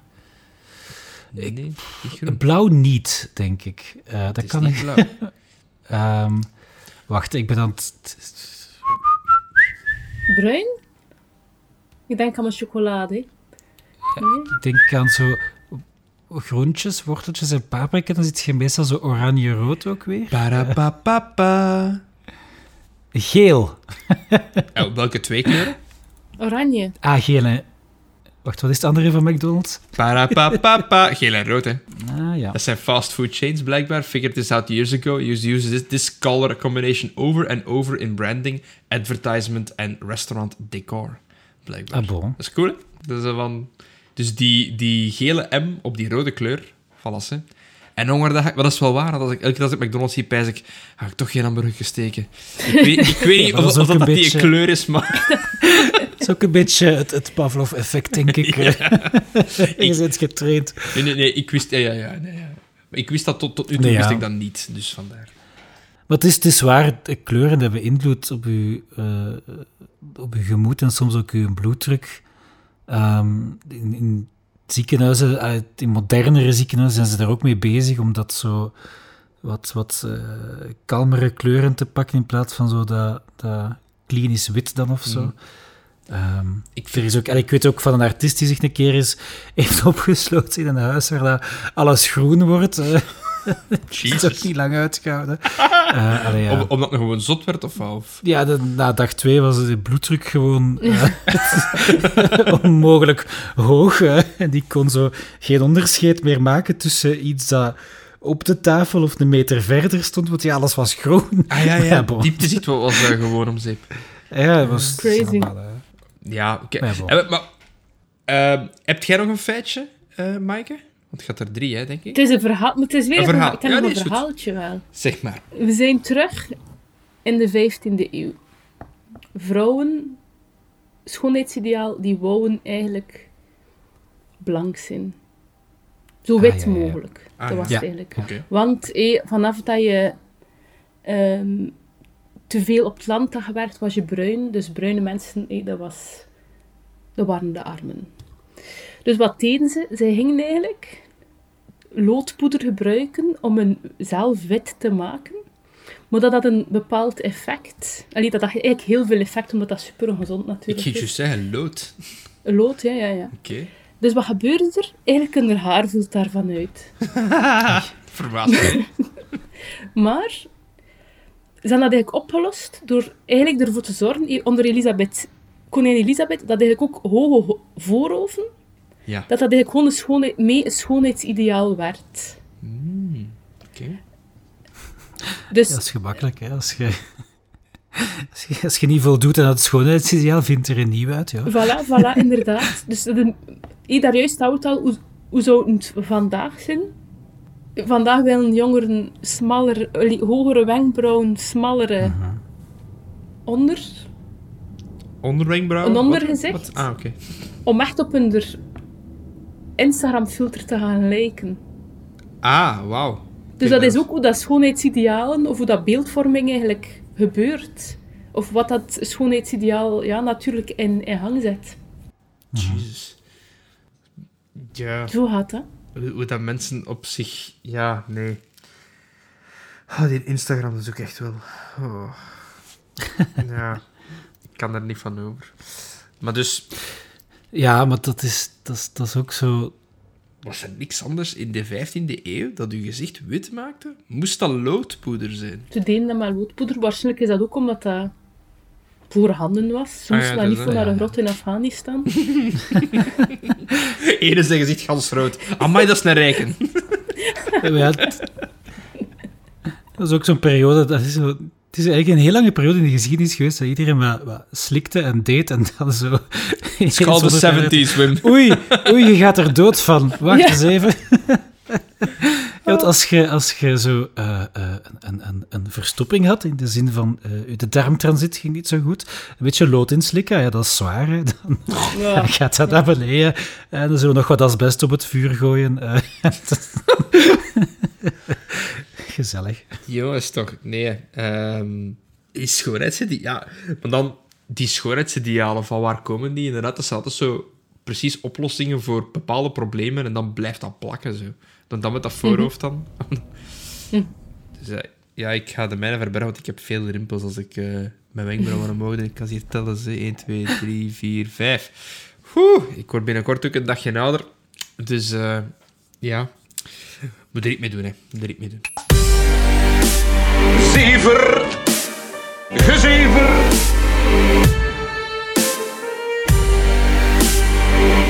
We zijn aan het einde gekomen van de verhaaltjes. Ik heb nog een mhm. vraagje voor jou, Maaike. Als, als creatieve individu heb ik altijd graag... Ik, ik uh, vraag altijd graag je mening over iets. Um, ik neem aan dat je ons logo al gezien hebt. Ja, ik kan erbij aan. Ja, ja, ja. Oh, oh nee, oh nee. Liefdevol ontworpen door uh, een oud-student uh, van ons. Nee? En, ja. Wim en ik, die uiteraard geen knijt kennen van letterkunde, kunst of whatever. Um, of sorry, ik ga, niet, ik ga niet voor ons beiden spreken. Ik vooral niet. De, Wim waarschijnlijk heeft ergens wel een aantal weirde uh, kennis steken daarover. Maar welke... Zoals zo vaak, ik, ik ken een paar heel specifieke dingetjes. dat, is, dat is vaak bij mij. Um, welke kleur... Want ik, ik, ik ben niet zo... Dat is gegroeid, maar ik ben minder fan van de achtergrondkleur. Ik weet zelfs niet welke kleur dat is. Hoe moet ik dat mhm. beschrijven? Ik zou het marineblauw noemen. Is dat marineblauw? Voilà. Oei, Is dat ja, niet marineblauw? Ja, ik denk dan aan felblauw. Maar echt is, Dat is geen felblauw, hè? Nee, nee, nee, nee, nee, inderdaad. Marineblauw is niet fel, hè? Oh, dat weet ik dan. Ja, oké. Maar welke kleur, als je zegt van, kijk, vandaag, ik zou twee dingen willen aanpassen aan dat logo. Wat zou je veranderen qua kleur? Of zou je het zo laten? In welke kleur hij zou... Ja, bijvoorbeeld... Uh, de, Oeh, dat is een moeilijke, hè? Ja, dat is een moeilijke, hè. Dus dat. Maar ja, bon, je zegt getrainde, Maaike, kom aan, hè. Dan moet los op ja, maar dat is nu, nu gaat dat heel random klinken. En ik, probeer juist aan de studenten te doen, doe dat niet te random. Zorg dat dat klopt. Maar het is dus misschien mag ik daar niet op antwoorden. Het is, het is daarom dat ik het aan u vraag. Ik, ik wil dat dat klopt. ja, dan moet het kloppen in het verhaal. In het Wat verhaal. is het verhaal? Verhaal. Twee, twee docenten veel, uh, te veel tijd. Dat is de slagzin. En dan inderdaad podcast. Uh, energiek, nerdy. Uh, Misschien inderdaad iets energieker. Misschien is dat al een goede piste om... Iets meer oemf. Ja. Het is zo sec, hè, Wim? Het is zo sec, hè? Het is, ik, ik vind dat een, een ja, het is inderdaad misschien een meer rustige kleur, als ik dat zo zou kunnen omschrijven. Maar, maar ik, ik, vind, ik vind blauw nu ook gewoon, zeker zo dat, dat iets uh, donkerdere marine uh, blauw dan uh, ook, ook wel heel mooi. Dus, ja. Wat je altijd kan doen, is er gewoon een tweede kleur bij verwerken in een heel klein detail, waardoor dat, dat, waardoor, waardoor dat, dat energiek erin komt. Ah, we kunnen het, het, het microotje een andere kleur geven of zo. Maar dat heel veel kleuren volgens mij vloeken op dat marineblauw. Ik zou niet weten... Ja, ja. Je moet dan voor een zachtere kleur gaan. Uh... Of, of de cirkel alleen. De cirkel alleen kan ook, hè. Mm -hmm. Maar bon, terwijl wij verder palaveren over... Ga, ik ga uh, uw baard knalgroen maken. Misschien een baard in roze of zo. Onbet onbetrouwbaar. Of misschien moet dat per podcast aanpassen. Gepersonaliseerd op ja. de gast die komt. Weet je, dat, is, uh, dat mag Mike doen. Ja, ik ging juist zeggen, we hebben juist uh, een podcast gehalveerd voor minder werk te hebben, uh, Mike. We gaan, we, gaan, we, gaan, we gaan niet daarin gaan investeren. Maar terwijl dat we dus verder gaan palaveren over de kleuren, is het tijd voor een beetje gepalaver. Gezever als het ware, over Eurosong.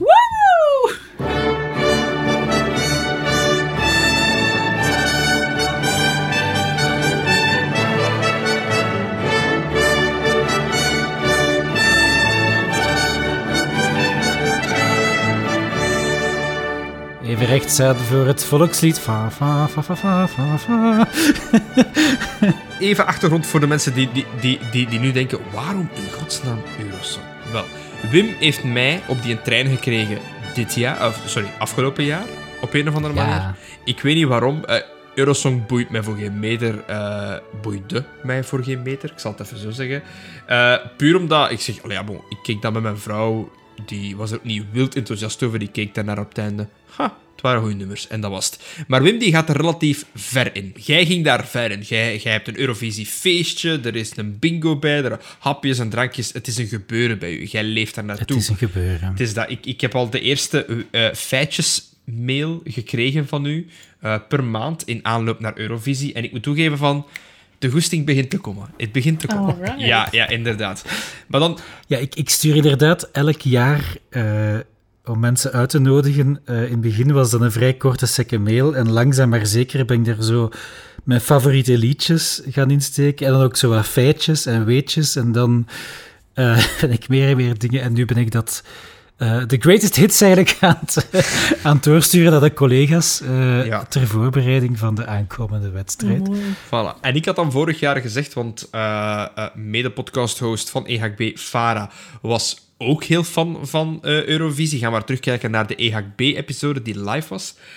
En dan zijn we beginnen lachen en zeggen van, kijk, misschien moeten we volgend jaar gewoon, dus 2022, een viewparty organiseren op EHB voor alle Eurovisie-nerds. Maken we er een waar feestje van, uh, drank eten. En ik zei dat al lachend tegen Maaike.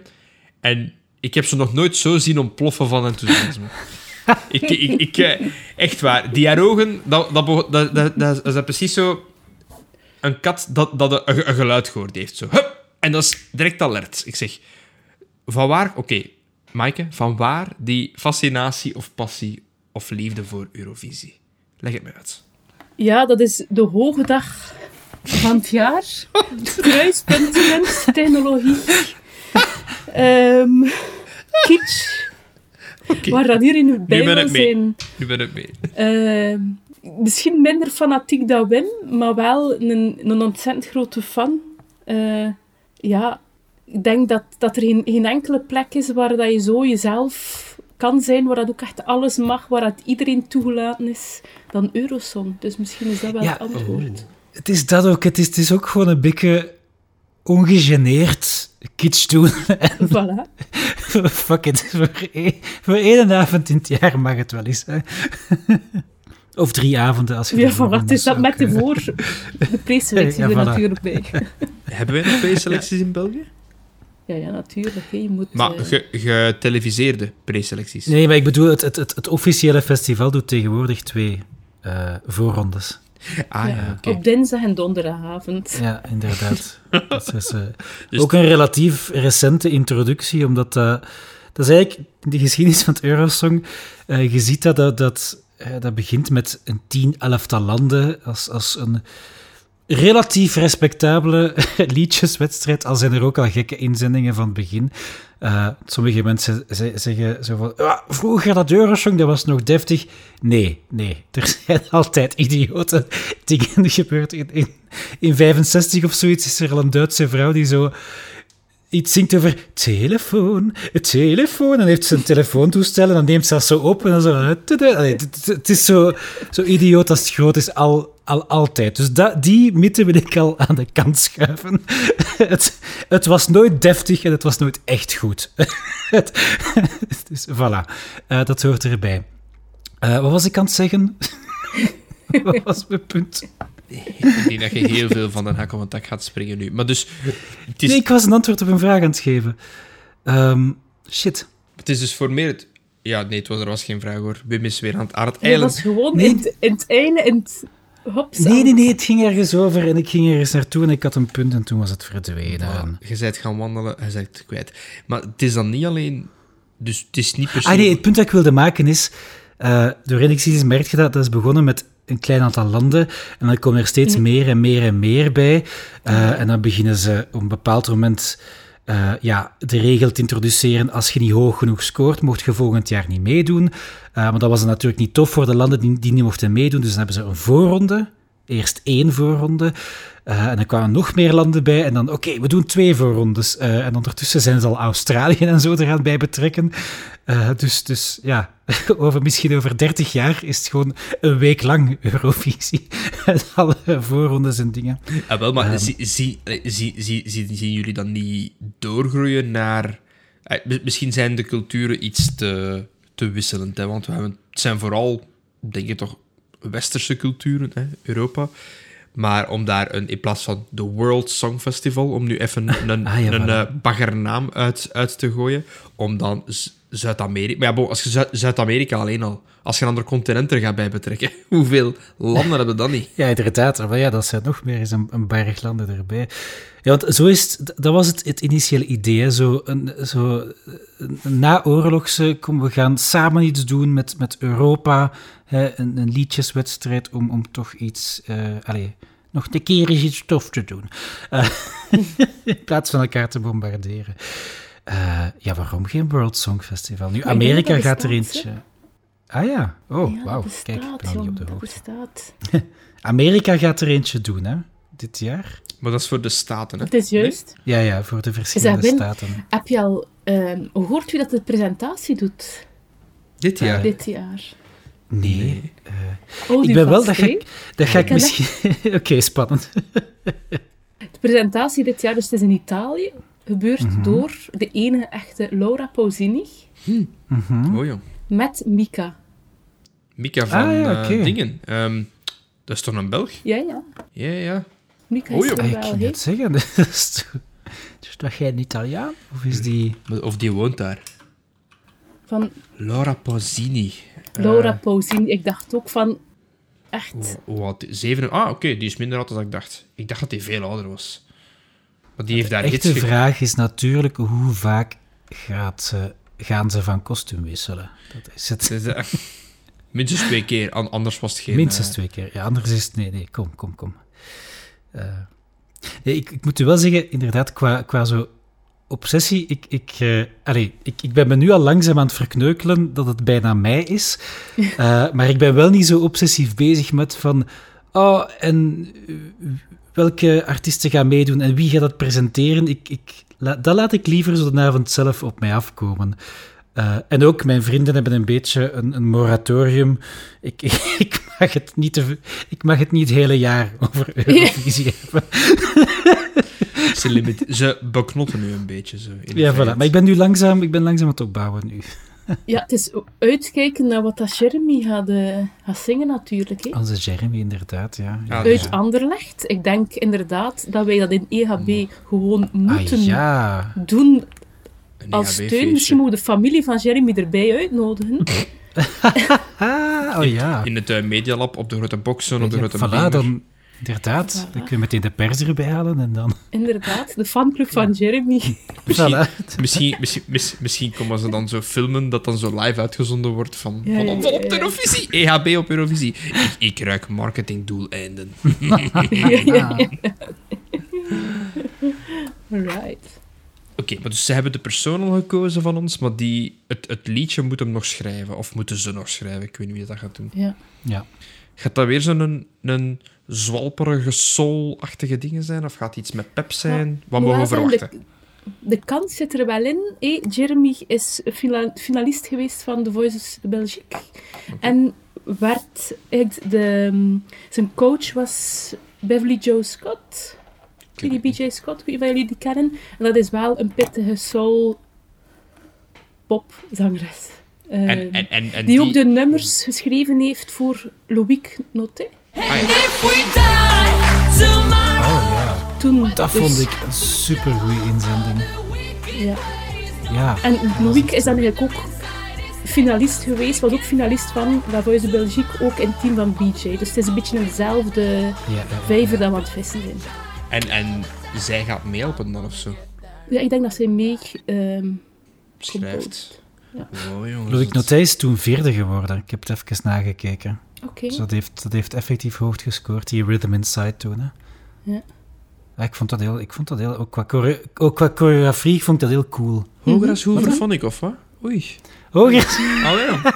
ja, daar, daar spreken we misschien niet te veel nee, daar gaan we niet. ja, maar, maar, dus, allee, maar ik denk niet dat Wim daar fan van was op voorhand. Nee, ik ook niet. Kom aan. Dat was moet ik het zeggen, dat was zo'n typisch Hooverphonic lied, zoals ze er zoveel hebben. Dat is... Nondescript. Die, voilà, Eén uit er zoveel, hè. Je wordt daar niet van omvergeblazen. Als je het een paar keer luistert, dan is het van, ja, ja, het is een, een mooi Hooverphonic lied, maar niet zo van, wauw. Ja, ik had ook het gevoel dat ze niet echt door hadden naar wat dat ze eigenlijk gingen. Komen ook voor hunzelf beschermen. Ik dacht, oei, oei, oei. Ja, ze, maar ja, dat, dat even goed, het, het, inderdaad, gewoon een lied op een van hun platen kunnen zijn. Dat is ook wel een beetje het ding met dat Eurovisie Songfestival. Je hebt drie minuten, exact drie minuten, je mag daar niet over gaan trouwens, um, om een indruk te maken. Dus dat is ook al Serieus? moeilijk. Ja, ja, dat is, dat is heel hard gelimiteerd. Oh, Vaak de, de studioversie of de radioversie die uitkomt is soms wat langer, maar op podium mm daar heb je drie minuten. Uh, en ze zijn daar heel streng op. Cool. Dat is, echt zo, er zijn volgens mij nog zoveel meer regeltjes dat je zo moet rekening mee houden als je, als je, dat, als je meedoet eraan. Mm. Ja, ja, dat is... Uh, maar het is wel gewoon puur als, als, als evenement, als je het even aan kijkt vanuit inderdaad een multimedia creatief mm -hmm. oogpunt. Um, de, de, de, uh, het, het is wel een enorm huzarenstukje qua live televisie, mm -hmm. omdat dat dat zo vlot gaat, dat dat zo mhm. snel achter elkaar gaat, dat die effecten daar zijn. Dat, die, allee, dat wordt ook...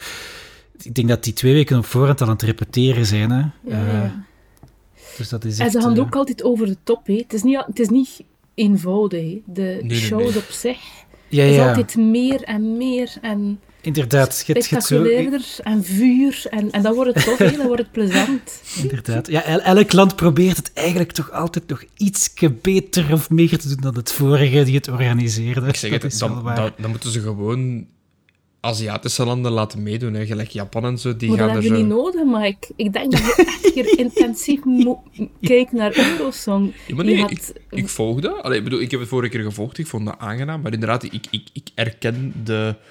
Hoe moet ik het zeggen? De technische complexiteit van die livestream, dat, dat, dat die eigenlijk doen. Hè. Want allee, van, ongeacht de complexiteit van daar, die hele backend dat die moeten regelen om dat naar alle landen simultaan te streamen. Miljarden, hè, jongen. Allee, want in hoeveel landen wordt, wordt dat uitgezonden?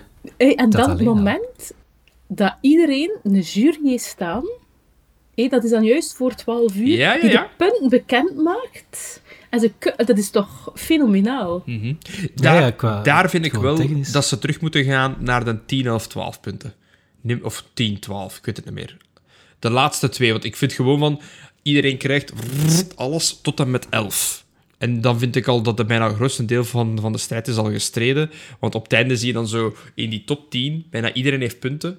Een van die hoger heeft geen punten. En dan moeten ze de 12 points nog aankondigen. Ja, dan weten ze sowieso dat, dat die 12 punten bijna ja, daar naartoe gaan gaan. Dus daar mogen ze nog iets meer suspense steken. Dat, mag mij nog inderdaad een van, die, een van die zaken dat ze hebben gedaan om het sneller te laten verlopen. Want dat was ook zo, die puntentelling op den duur duurde dat wel letterlijk twee uur lang. Hè? Ja, ja. Dat, maar vroeger... Dus elke keer... Hello from Switzerland, can you hear me? Eurovision? Pauze, pauze, pauze, pauze. Yes. yes, we can hear you. Pauze, pauze. Oké, okay, here are the votes of the... En dan blijft hij maar gaan. First of all, thank you for this wonderful show. For the great show. I love your dress, inderdaad. Nog ah. even... Uh, Wie wat? Ja, ja, ding dong. Ja, oké. Want inderdaad, voor, voor, de mensen die misschien nu aan het denken van waar zijn ze in godsnaam over bezig. Elk land mag uh, punten uitdelen aan andere landen en je moogt uh, 1, 2, 3, 4, 5, 6, 7, 8, 10 en 12 uitdelen. Uh, over de uh, verschillende landen, elk land. En vroeger liepen ze die dus echt allemaal af. Uh, en nu is het de eerste 1 tot en met 10 worden meteen verdeeld op het scorebord. En dan even voor de ceremonie uh, wordt de 12 nog, nog omgeroepen. Maar ik vond dat stiekem ook wel leuk. Dat ze die Al is maar 8, 18, 12. Ik bedoel, want, want, want, dat is zo... Je hebt juist het, het fenomeen van al die optredens gehad. Je hebt allemaal relatief goede muziek gehoord. Of toch tenminste iets heel bombastisch en grappig. En dan, ja, dan zijn ze gewoon aan het drinken en aan, en aan het eten met vrienden en familie, terwijl dat je de rest aan het uitzien bent. Hè. Dat is zo... Is dat... Wat ik niet wist vorig jaar, uh, met dat ik meegevolgd heb, ook alle punten. Ik denk, ik heb heel, heel de avond ook met u liggen sturen tot een bepaald punt. Uh, en dan ze van een aardbol verdwenen. Ik, ik vermoed dat hij te, te, veel had gedronken toen. Um, die punten van het publiek, hoeveel impact dat die hebben. Holy shit, joh. Dat, dat, dat wist ik niet. Ik dacht van ja, het is, het is ongeveer beklonken. En dan de punten van het publiek voor... Want alle punten gaan naar één dan, hè? als ik me niet vergis. Is dat niet? Ja, die, ze, tellen alle jurypunten op. En dan inderdaad gaan, geven ze die uh, één voor één. Eerst uh, het, het, dat de minst totale punten, dan hoger en hoger en dan zo... Uh, want, want, want, hoe... kan dat nog heel veel verschuiven. Maar ook dat is eigenlijk iets heel nieuw van de laatste jaren pas. Uh, want het is heel... Allee, eerst was het enkel een jury die je punten doorbelde. In de eerste, in de vroege shows zelfs letterlijk, per telefoon. De fax. Ja, can you hear me?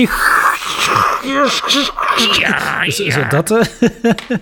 um, en dan inderdaad, op een bepaald moment was het technisch mogelijk om televoting te doen. Dus dan dachten ze, oké, okay, uh, we gaan... Uh, dan wordt het punt van elk land wordt bepaald door zowel de jurypunten als de televoting. Dan is een tijdje de jury ook weg geweest. Dan was het gewoon televoting. Maar dan dachten ze van, ja, maar ja, kijk, uh, het, het, het, volk weet niks. Uh, dus we gaan toch misschien toch de professionele jury, want anders wordt er elk land... Uh, elk jaar, het, het is al platte pop, maar dan wordt het, het platste van de pop wordt dan verkozen. dus nu is dan inderdaad, de landen delen de punten uit op basis van de televoting. En de jurypunten worden dan apart opgeteld. Dus dat is zo'n heel nieuw systeem. Maar ze, ze doen dat wel zo, dat is ook met... Uh, daar zit ergens een algoritme achter dat de punten... Uh, de volgorde waarin het wordt gezegd, is ook echt wel om het zo spannend mogelijk te houden. Ja. Uh, zo lang mogelijk. Maar dingen, dus op het einde is Italië het erover gesprongen, hè? Met dat laatste. Mm ja, inderdaad. Op, op een bepaald moment is, is, is het vaak van, dan komt er zo'n berg punten bij. Oké. Okay. ik, ik, vraag me gewoon af van... van um, wilt dat dan gewoon... Want ik herinner me niet meer hoe dat ze die punten van het volk hebben aan, aangekondigd. Was dat dat ze dat elk land een... van onderaan zijn beginnen aflopen? Ik zeg nu maar iets, hè. België. Nul punten. Omdat niemand van al de andere landen... Jawel, jawel, want die zijn elk land af geweest, denk ik. Want hoe zijn die punten ge... ge, ge... Dat, dat zijn de, dat zijn de punten 1, 2, 3, 1 tot en met 8, 10 en 12. Mm -hmm. Dat zijn die. Mm -hmm. dat nee, nee, nee, nee. Ik heb, het, ik heb het over de daarna. De televotingpunten. Of de, de sms-punten, hoe dat het wilt noemen. Dat zijn de televotingpunten. Ja, die van de jury komen ineens in beeld. Ja. Het is eerst de televoting, waarbij dat ze al de landen afgaan. Hallo, nee, hallo, dat, great show. Dat ging over honderden. Is... Dat ging over honderden punten. Ja, dat zijn de jurypunten, dat is daarna. Maar nee, nee. Nee, ik denk nee. ook dat je eerst de jurypunten krijgt en dat je Ja. dan de televotingpunten Ja, twee- die daarbij komen. Kom hè, Mr. Mr. Eurosong. Het Maar wel zijn dat hebben ze de laatste jaren heel veel veranderd. Want het is een jaar geweest dat is- ze het is- gedaan hebben. Het Ik gaat denk in en weer, hè, ja. 2005, waar dat, ah, Oekraïne en Rusland. Weet je dat niet meer? Volgens mij.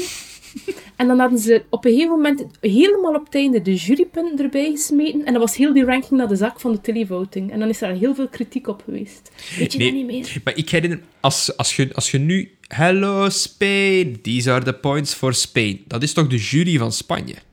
Ja, correct. Ja, correct, oké. Maar dat hebben ze nu eerst ik gedaan. had het hè. omgedraaid, Iedereen afgelopen. En dan komen er ineens... Ik denk dat Italië wat, hè, drie of 400 punten heeft gekregen. Hoe, hoe wordt die berekening gemaakt? Of waar wordt dat? Dat zijn effectief... ehm, Dat is van ik de heb het mensen. hier even bijgehaald. Ja, hè. kom. The jury and the televote each award an independent set of points. First, the jury po- points are announced, and then the televoting points are calculated together before being added to the jury points, effectively doubling the points which can be awarded in total. Ja, ja, ja.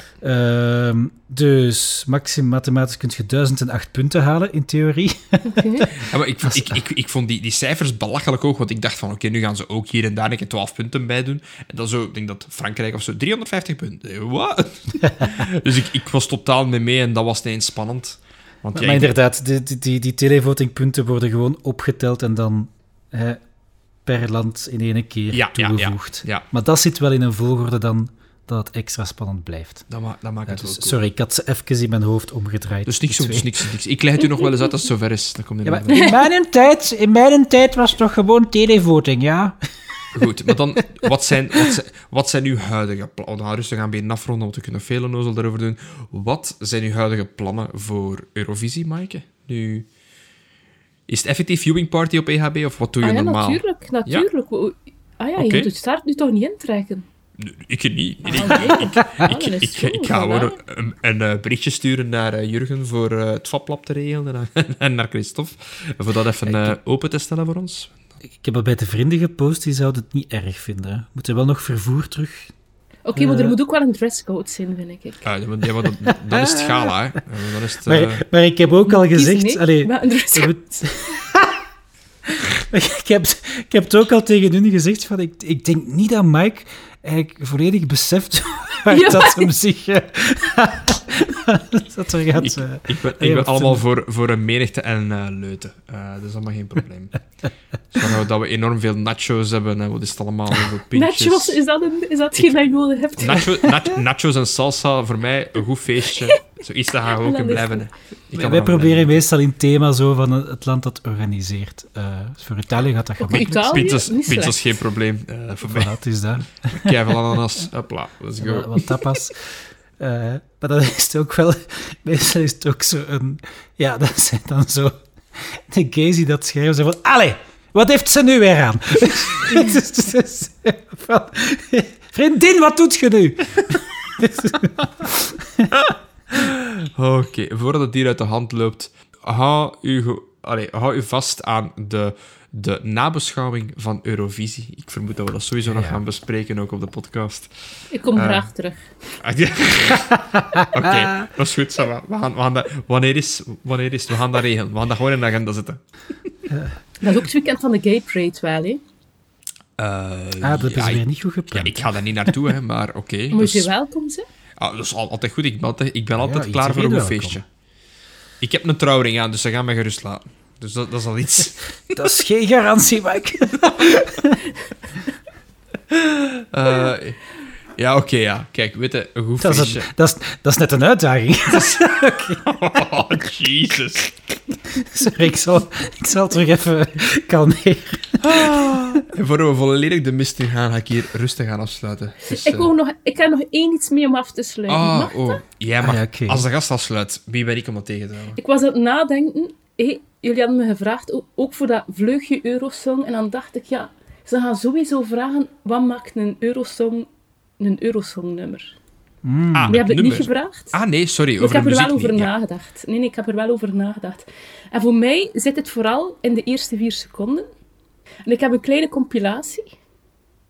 Maar. Waarvan vier nummers van hele goede kwaliteit en twee van minder. Dus excuses. Oké. Maar ik stel voor dat dat dan de outro is van de podcast. Oké, super, ja. Jongens, klaar? Ja? Wacht, hè, maar dus... Als, ik ga het afspelen. Ik, is, ik ga hier manueel even dat hier mixen, hè.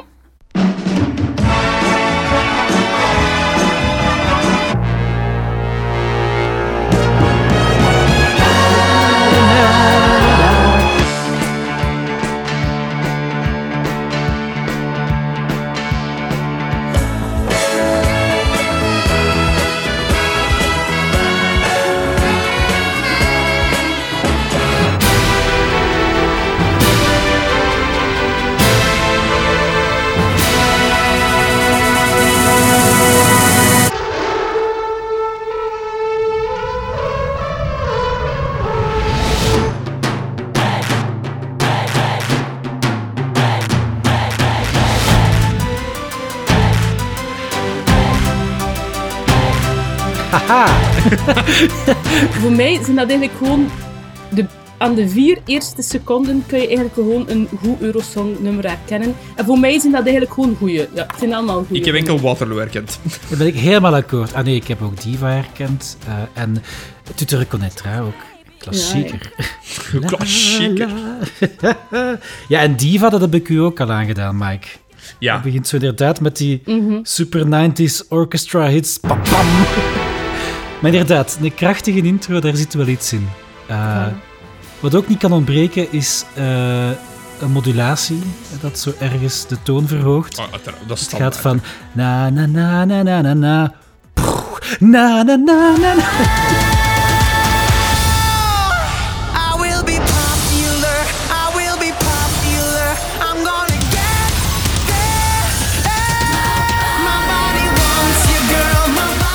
dat, hè. Uh, dat is een klassieker. En uiteindelijk, op dat moment, het, het vuurwerk en op maximum. Ik heb vandaag vijf, vijf K3-nummers afgespeeld voor mijn dochter. In elk ja, nummerke zit daar op einde een modulatie in. Altijd. Dat is, voilà, dat is de... Uh, oh, mijn liefde is een waterval. En, ja, nee, dat kan zo, zo, dat kan zo richting Eurovisie. Waarom sturen we K3 niet? Die, die, die, die, nummers zijn gewoon gereed voor we wilden ooit K3 sturen. Dat is juist. Dat, welke, zo zijn welke editie? geworden, hè? Inderdaad. Ah ja, ja tuurlijk. Ja. van het begin. We hebben het erover gehad. Ja, klopt. Dat jaar dat ze bekend zijn Dat jaar dat ze bekend zijn. Ergens in de 90s, ja. Ze komen uit Berchem, Hamme en Tongerlo. Ze heten K-Run, K-Tleen en Christel. En samen zijn ze K3. Jezus. Wauw, wat een prachtige songcollectie. Ik ga dit moeten allemaal opzoeken, want inderdaad, ik heb niet... Uh, we zullen de namen en de, de artiest en de nummers als uh, show notes zetten, zodat iedereen de gloriejaren nog eens kan gaan herbeleven. Dank u wel voor deze soundtrack. Ja, en ik had nog, nog een, een laatste anekdote. um, het, het nummer, het duurt niet lang, het nummer Soldiers of Love. Mm. Van Lilian Saint-Pierre? Uh, onze enige echte Lilian Saint-Pierre, met ook weer wat heeft ze aan, maar... Vuurliefde af. Geen oorlog meer. Inderdaad. Met uh, zo dat, van, dat, van dat plechtstatig Nederlands ook. Alle wapens neer. Niet wapens, maar wapens. Uh, gewoon zingen met je tong uit je mond. Wapens meer. Wapens meer.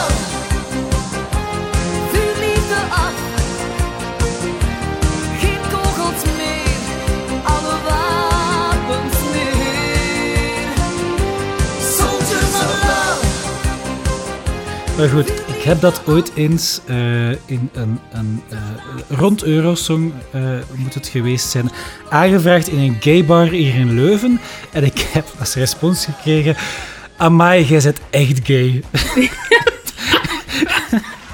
dus ja, dus sindsdien als er iets van Euro, Eurovisie is in de vriendenkring, dan is het... Amai, jij bent wel echt gay. Ja, ik moet, ik moet toegeven dat de enigste reacties... Dus ik, ik, ik, ik heb die, die, die, die, die Eurovisie-passie via u leren kennen. Maar het zijn wel de drie andere gays, of, of, of whatever, uh, die zo gereageerd hebben als Mike, hè. Eh, maar het, is, het is heel stereotyp, hè. Niemand van mijn kameraden... Ja. Buiten vrouwen. vrouwen. Vrouwen in het algemeen wel, moet ik wel toegeven. Vrouwen dat, die kijken daar ook op in. Ah, Niet zo hard als Schellen, maar die kijken er ook wel naar uit van... Ja, ik heb het wel effectief... Voilà, voilà, Ik heb het wel effectief leren kijken, omdat ik dat dan met mijn mama keek toen. Ja. Uh, dat, uh, maar geen enkel van mijn male friends. nope. dat is wel, mijn pa die trok zich toen terug ergens in een verhoekje. Dat, dat is een avondje gamen meestal voor mij, dus je hebt me dat ook al afgenomen tegenwoordig. Dank u wel, want nu moet ik ook kijken. One of us, one of us. ja, nee, ik denk dan, kijk, er, er, er gaat zoveel geld en tijd naar sportwedstrijden. Hè, dan ene keer in het jaar is een keer is iets, uh, iets extravagant gay. Uh, iets extravagant gay. Moet ook Familiefeestje. Familiefeestje. voilà. Voor de familie. en met dit gay familiefeestje sluiten we de boel af. Maaike, dank u wel om erbij te zijn. Het was heel gezellig. Ja, merci. Uh, ja, dus uh, sowieso Raincheck, de podcast na Eurovisie voor een nabeschouwing. Hè. Dat lijkt mij op zijn minst. spannend. Kijk naar uit. Voilà. Wim, dank u wel voor uw, uh, uw bijdrage in de kleurenfeitjes. Uh, dus, dus, Wist je trouwens dat Hitler de kleur geel heeft uitgevonden? Nee, okay. Iets over na te denken. dat Philip de Winter was. iets, iets, iets langer nadenken over, over, die beste luisteraar. En jullie ook alweer bedankt om te luisteren naar deze episode. Of wat ervan overblijft, als het ware. We zien jullie graag terug binnen twee weken. Uh, met of zonder gast, dat weet ik nog niet. Ik zou zeggen, geniet ervan. Ga naar de YouTube. Gooi uw favoriet Eurovisio's, Eurovisie-songnummer in de comments. Uh, sowieso is dat ook de vraag. Uh, wat is uw herinnering ah, ja. aan, aan Euro Eurovisie? en misschien ergens naar poll ik zal er erbij zetten. in het Spotify. Ik zie u graag tot volgende week. Is het Paul de Trimmerie? Het is Paul de Trimmerie. Oei, nee, nee, nee, nee. Paul... En, oh, verdomme Wim. Net zoals altijd. tot het volgende gezever. United we stand, together we will fall. Tot gezever.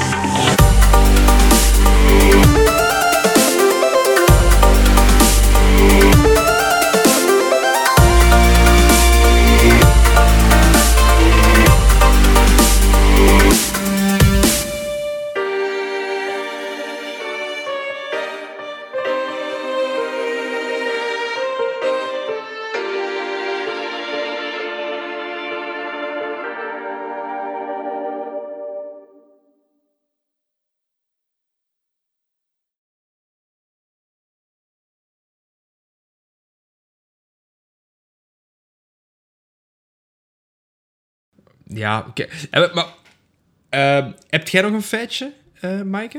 Want het gaat er drie, hè, denk ik. Het is een verhaal, maar het is weer een verhaal. Ik heb ja, nog een verhaaltje wel.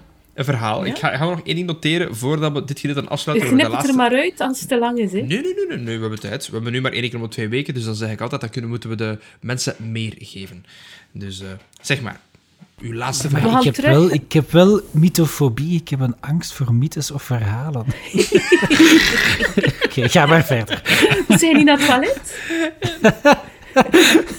Laat het maar gaan. Dus- zeg maar. Ik, nou, een laatste vraagje voor Wim. André Vermeulen of Peter van de Veren? oh, Vermeulen is zo wat saai, maar ik kijk naar de BBC.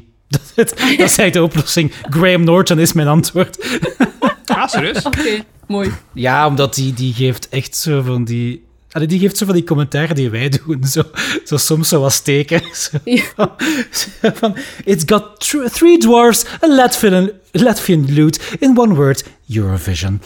zo van, This is the gay wedding I'll never have. Dan, dan gaan we moeten uh, vechten over welke stream dat we gaan tonen op EHB. Ja, ik, vind de commentaar van... Ja, ik ook. Ik heb geen probleem De commentaar van Graham Norton is wel altijd heel grappig, vind ik. Ja, dat is geen probleem. Goed. dit is dan de... Voor na de outro. Ik ging juist zeggen. we blijven doorgaan. Alright.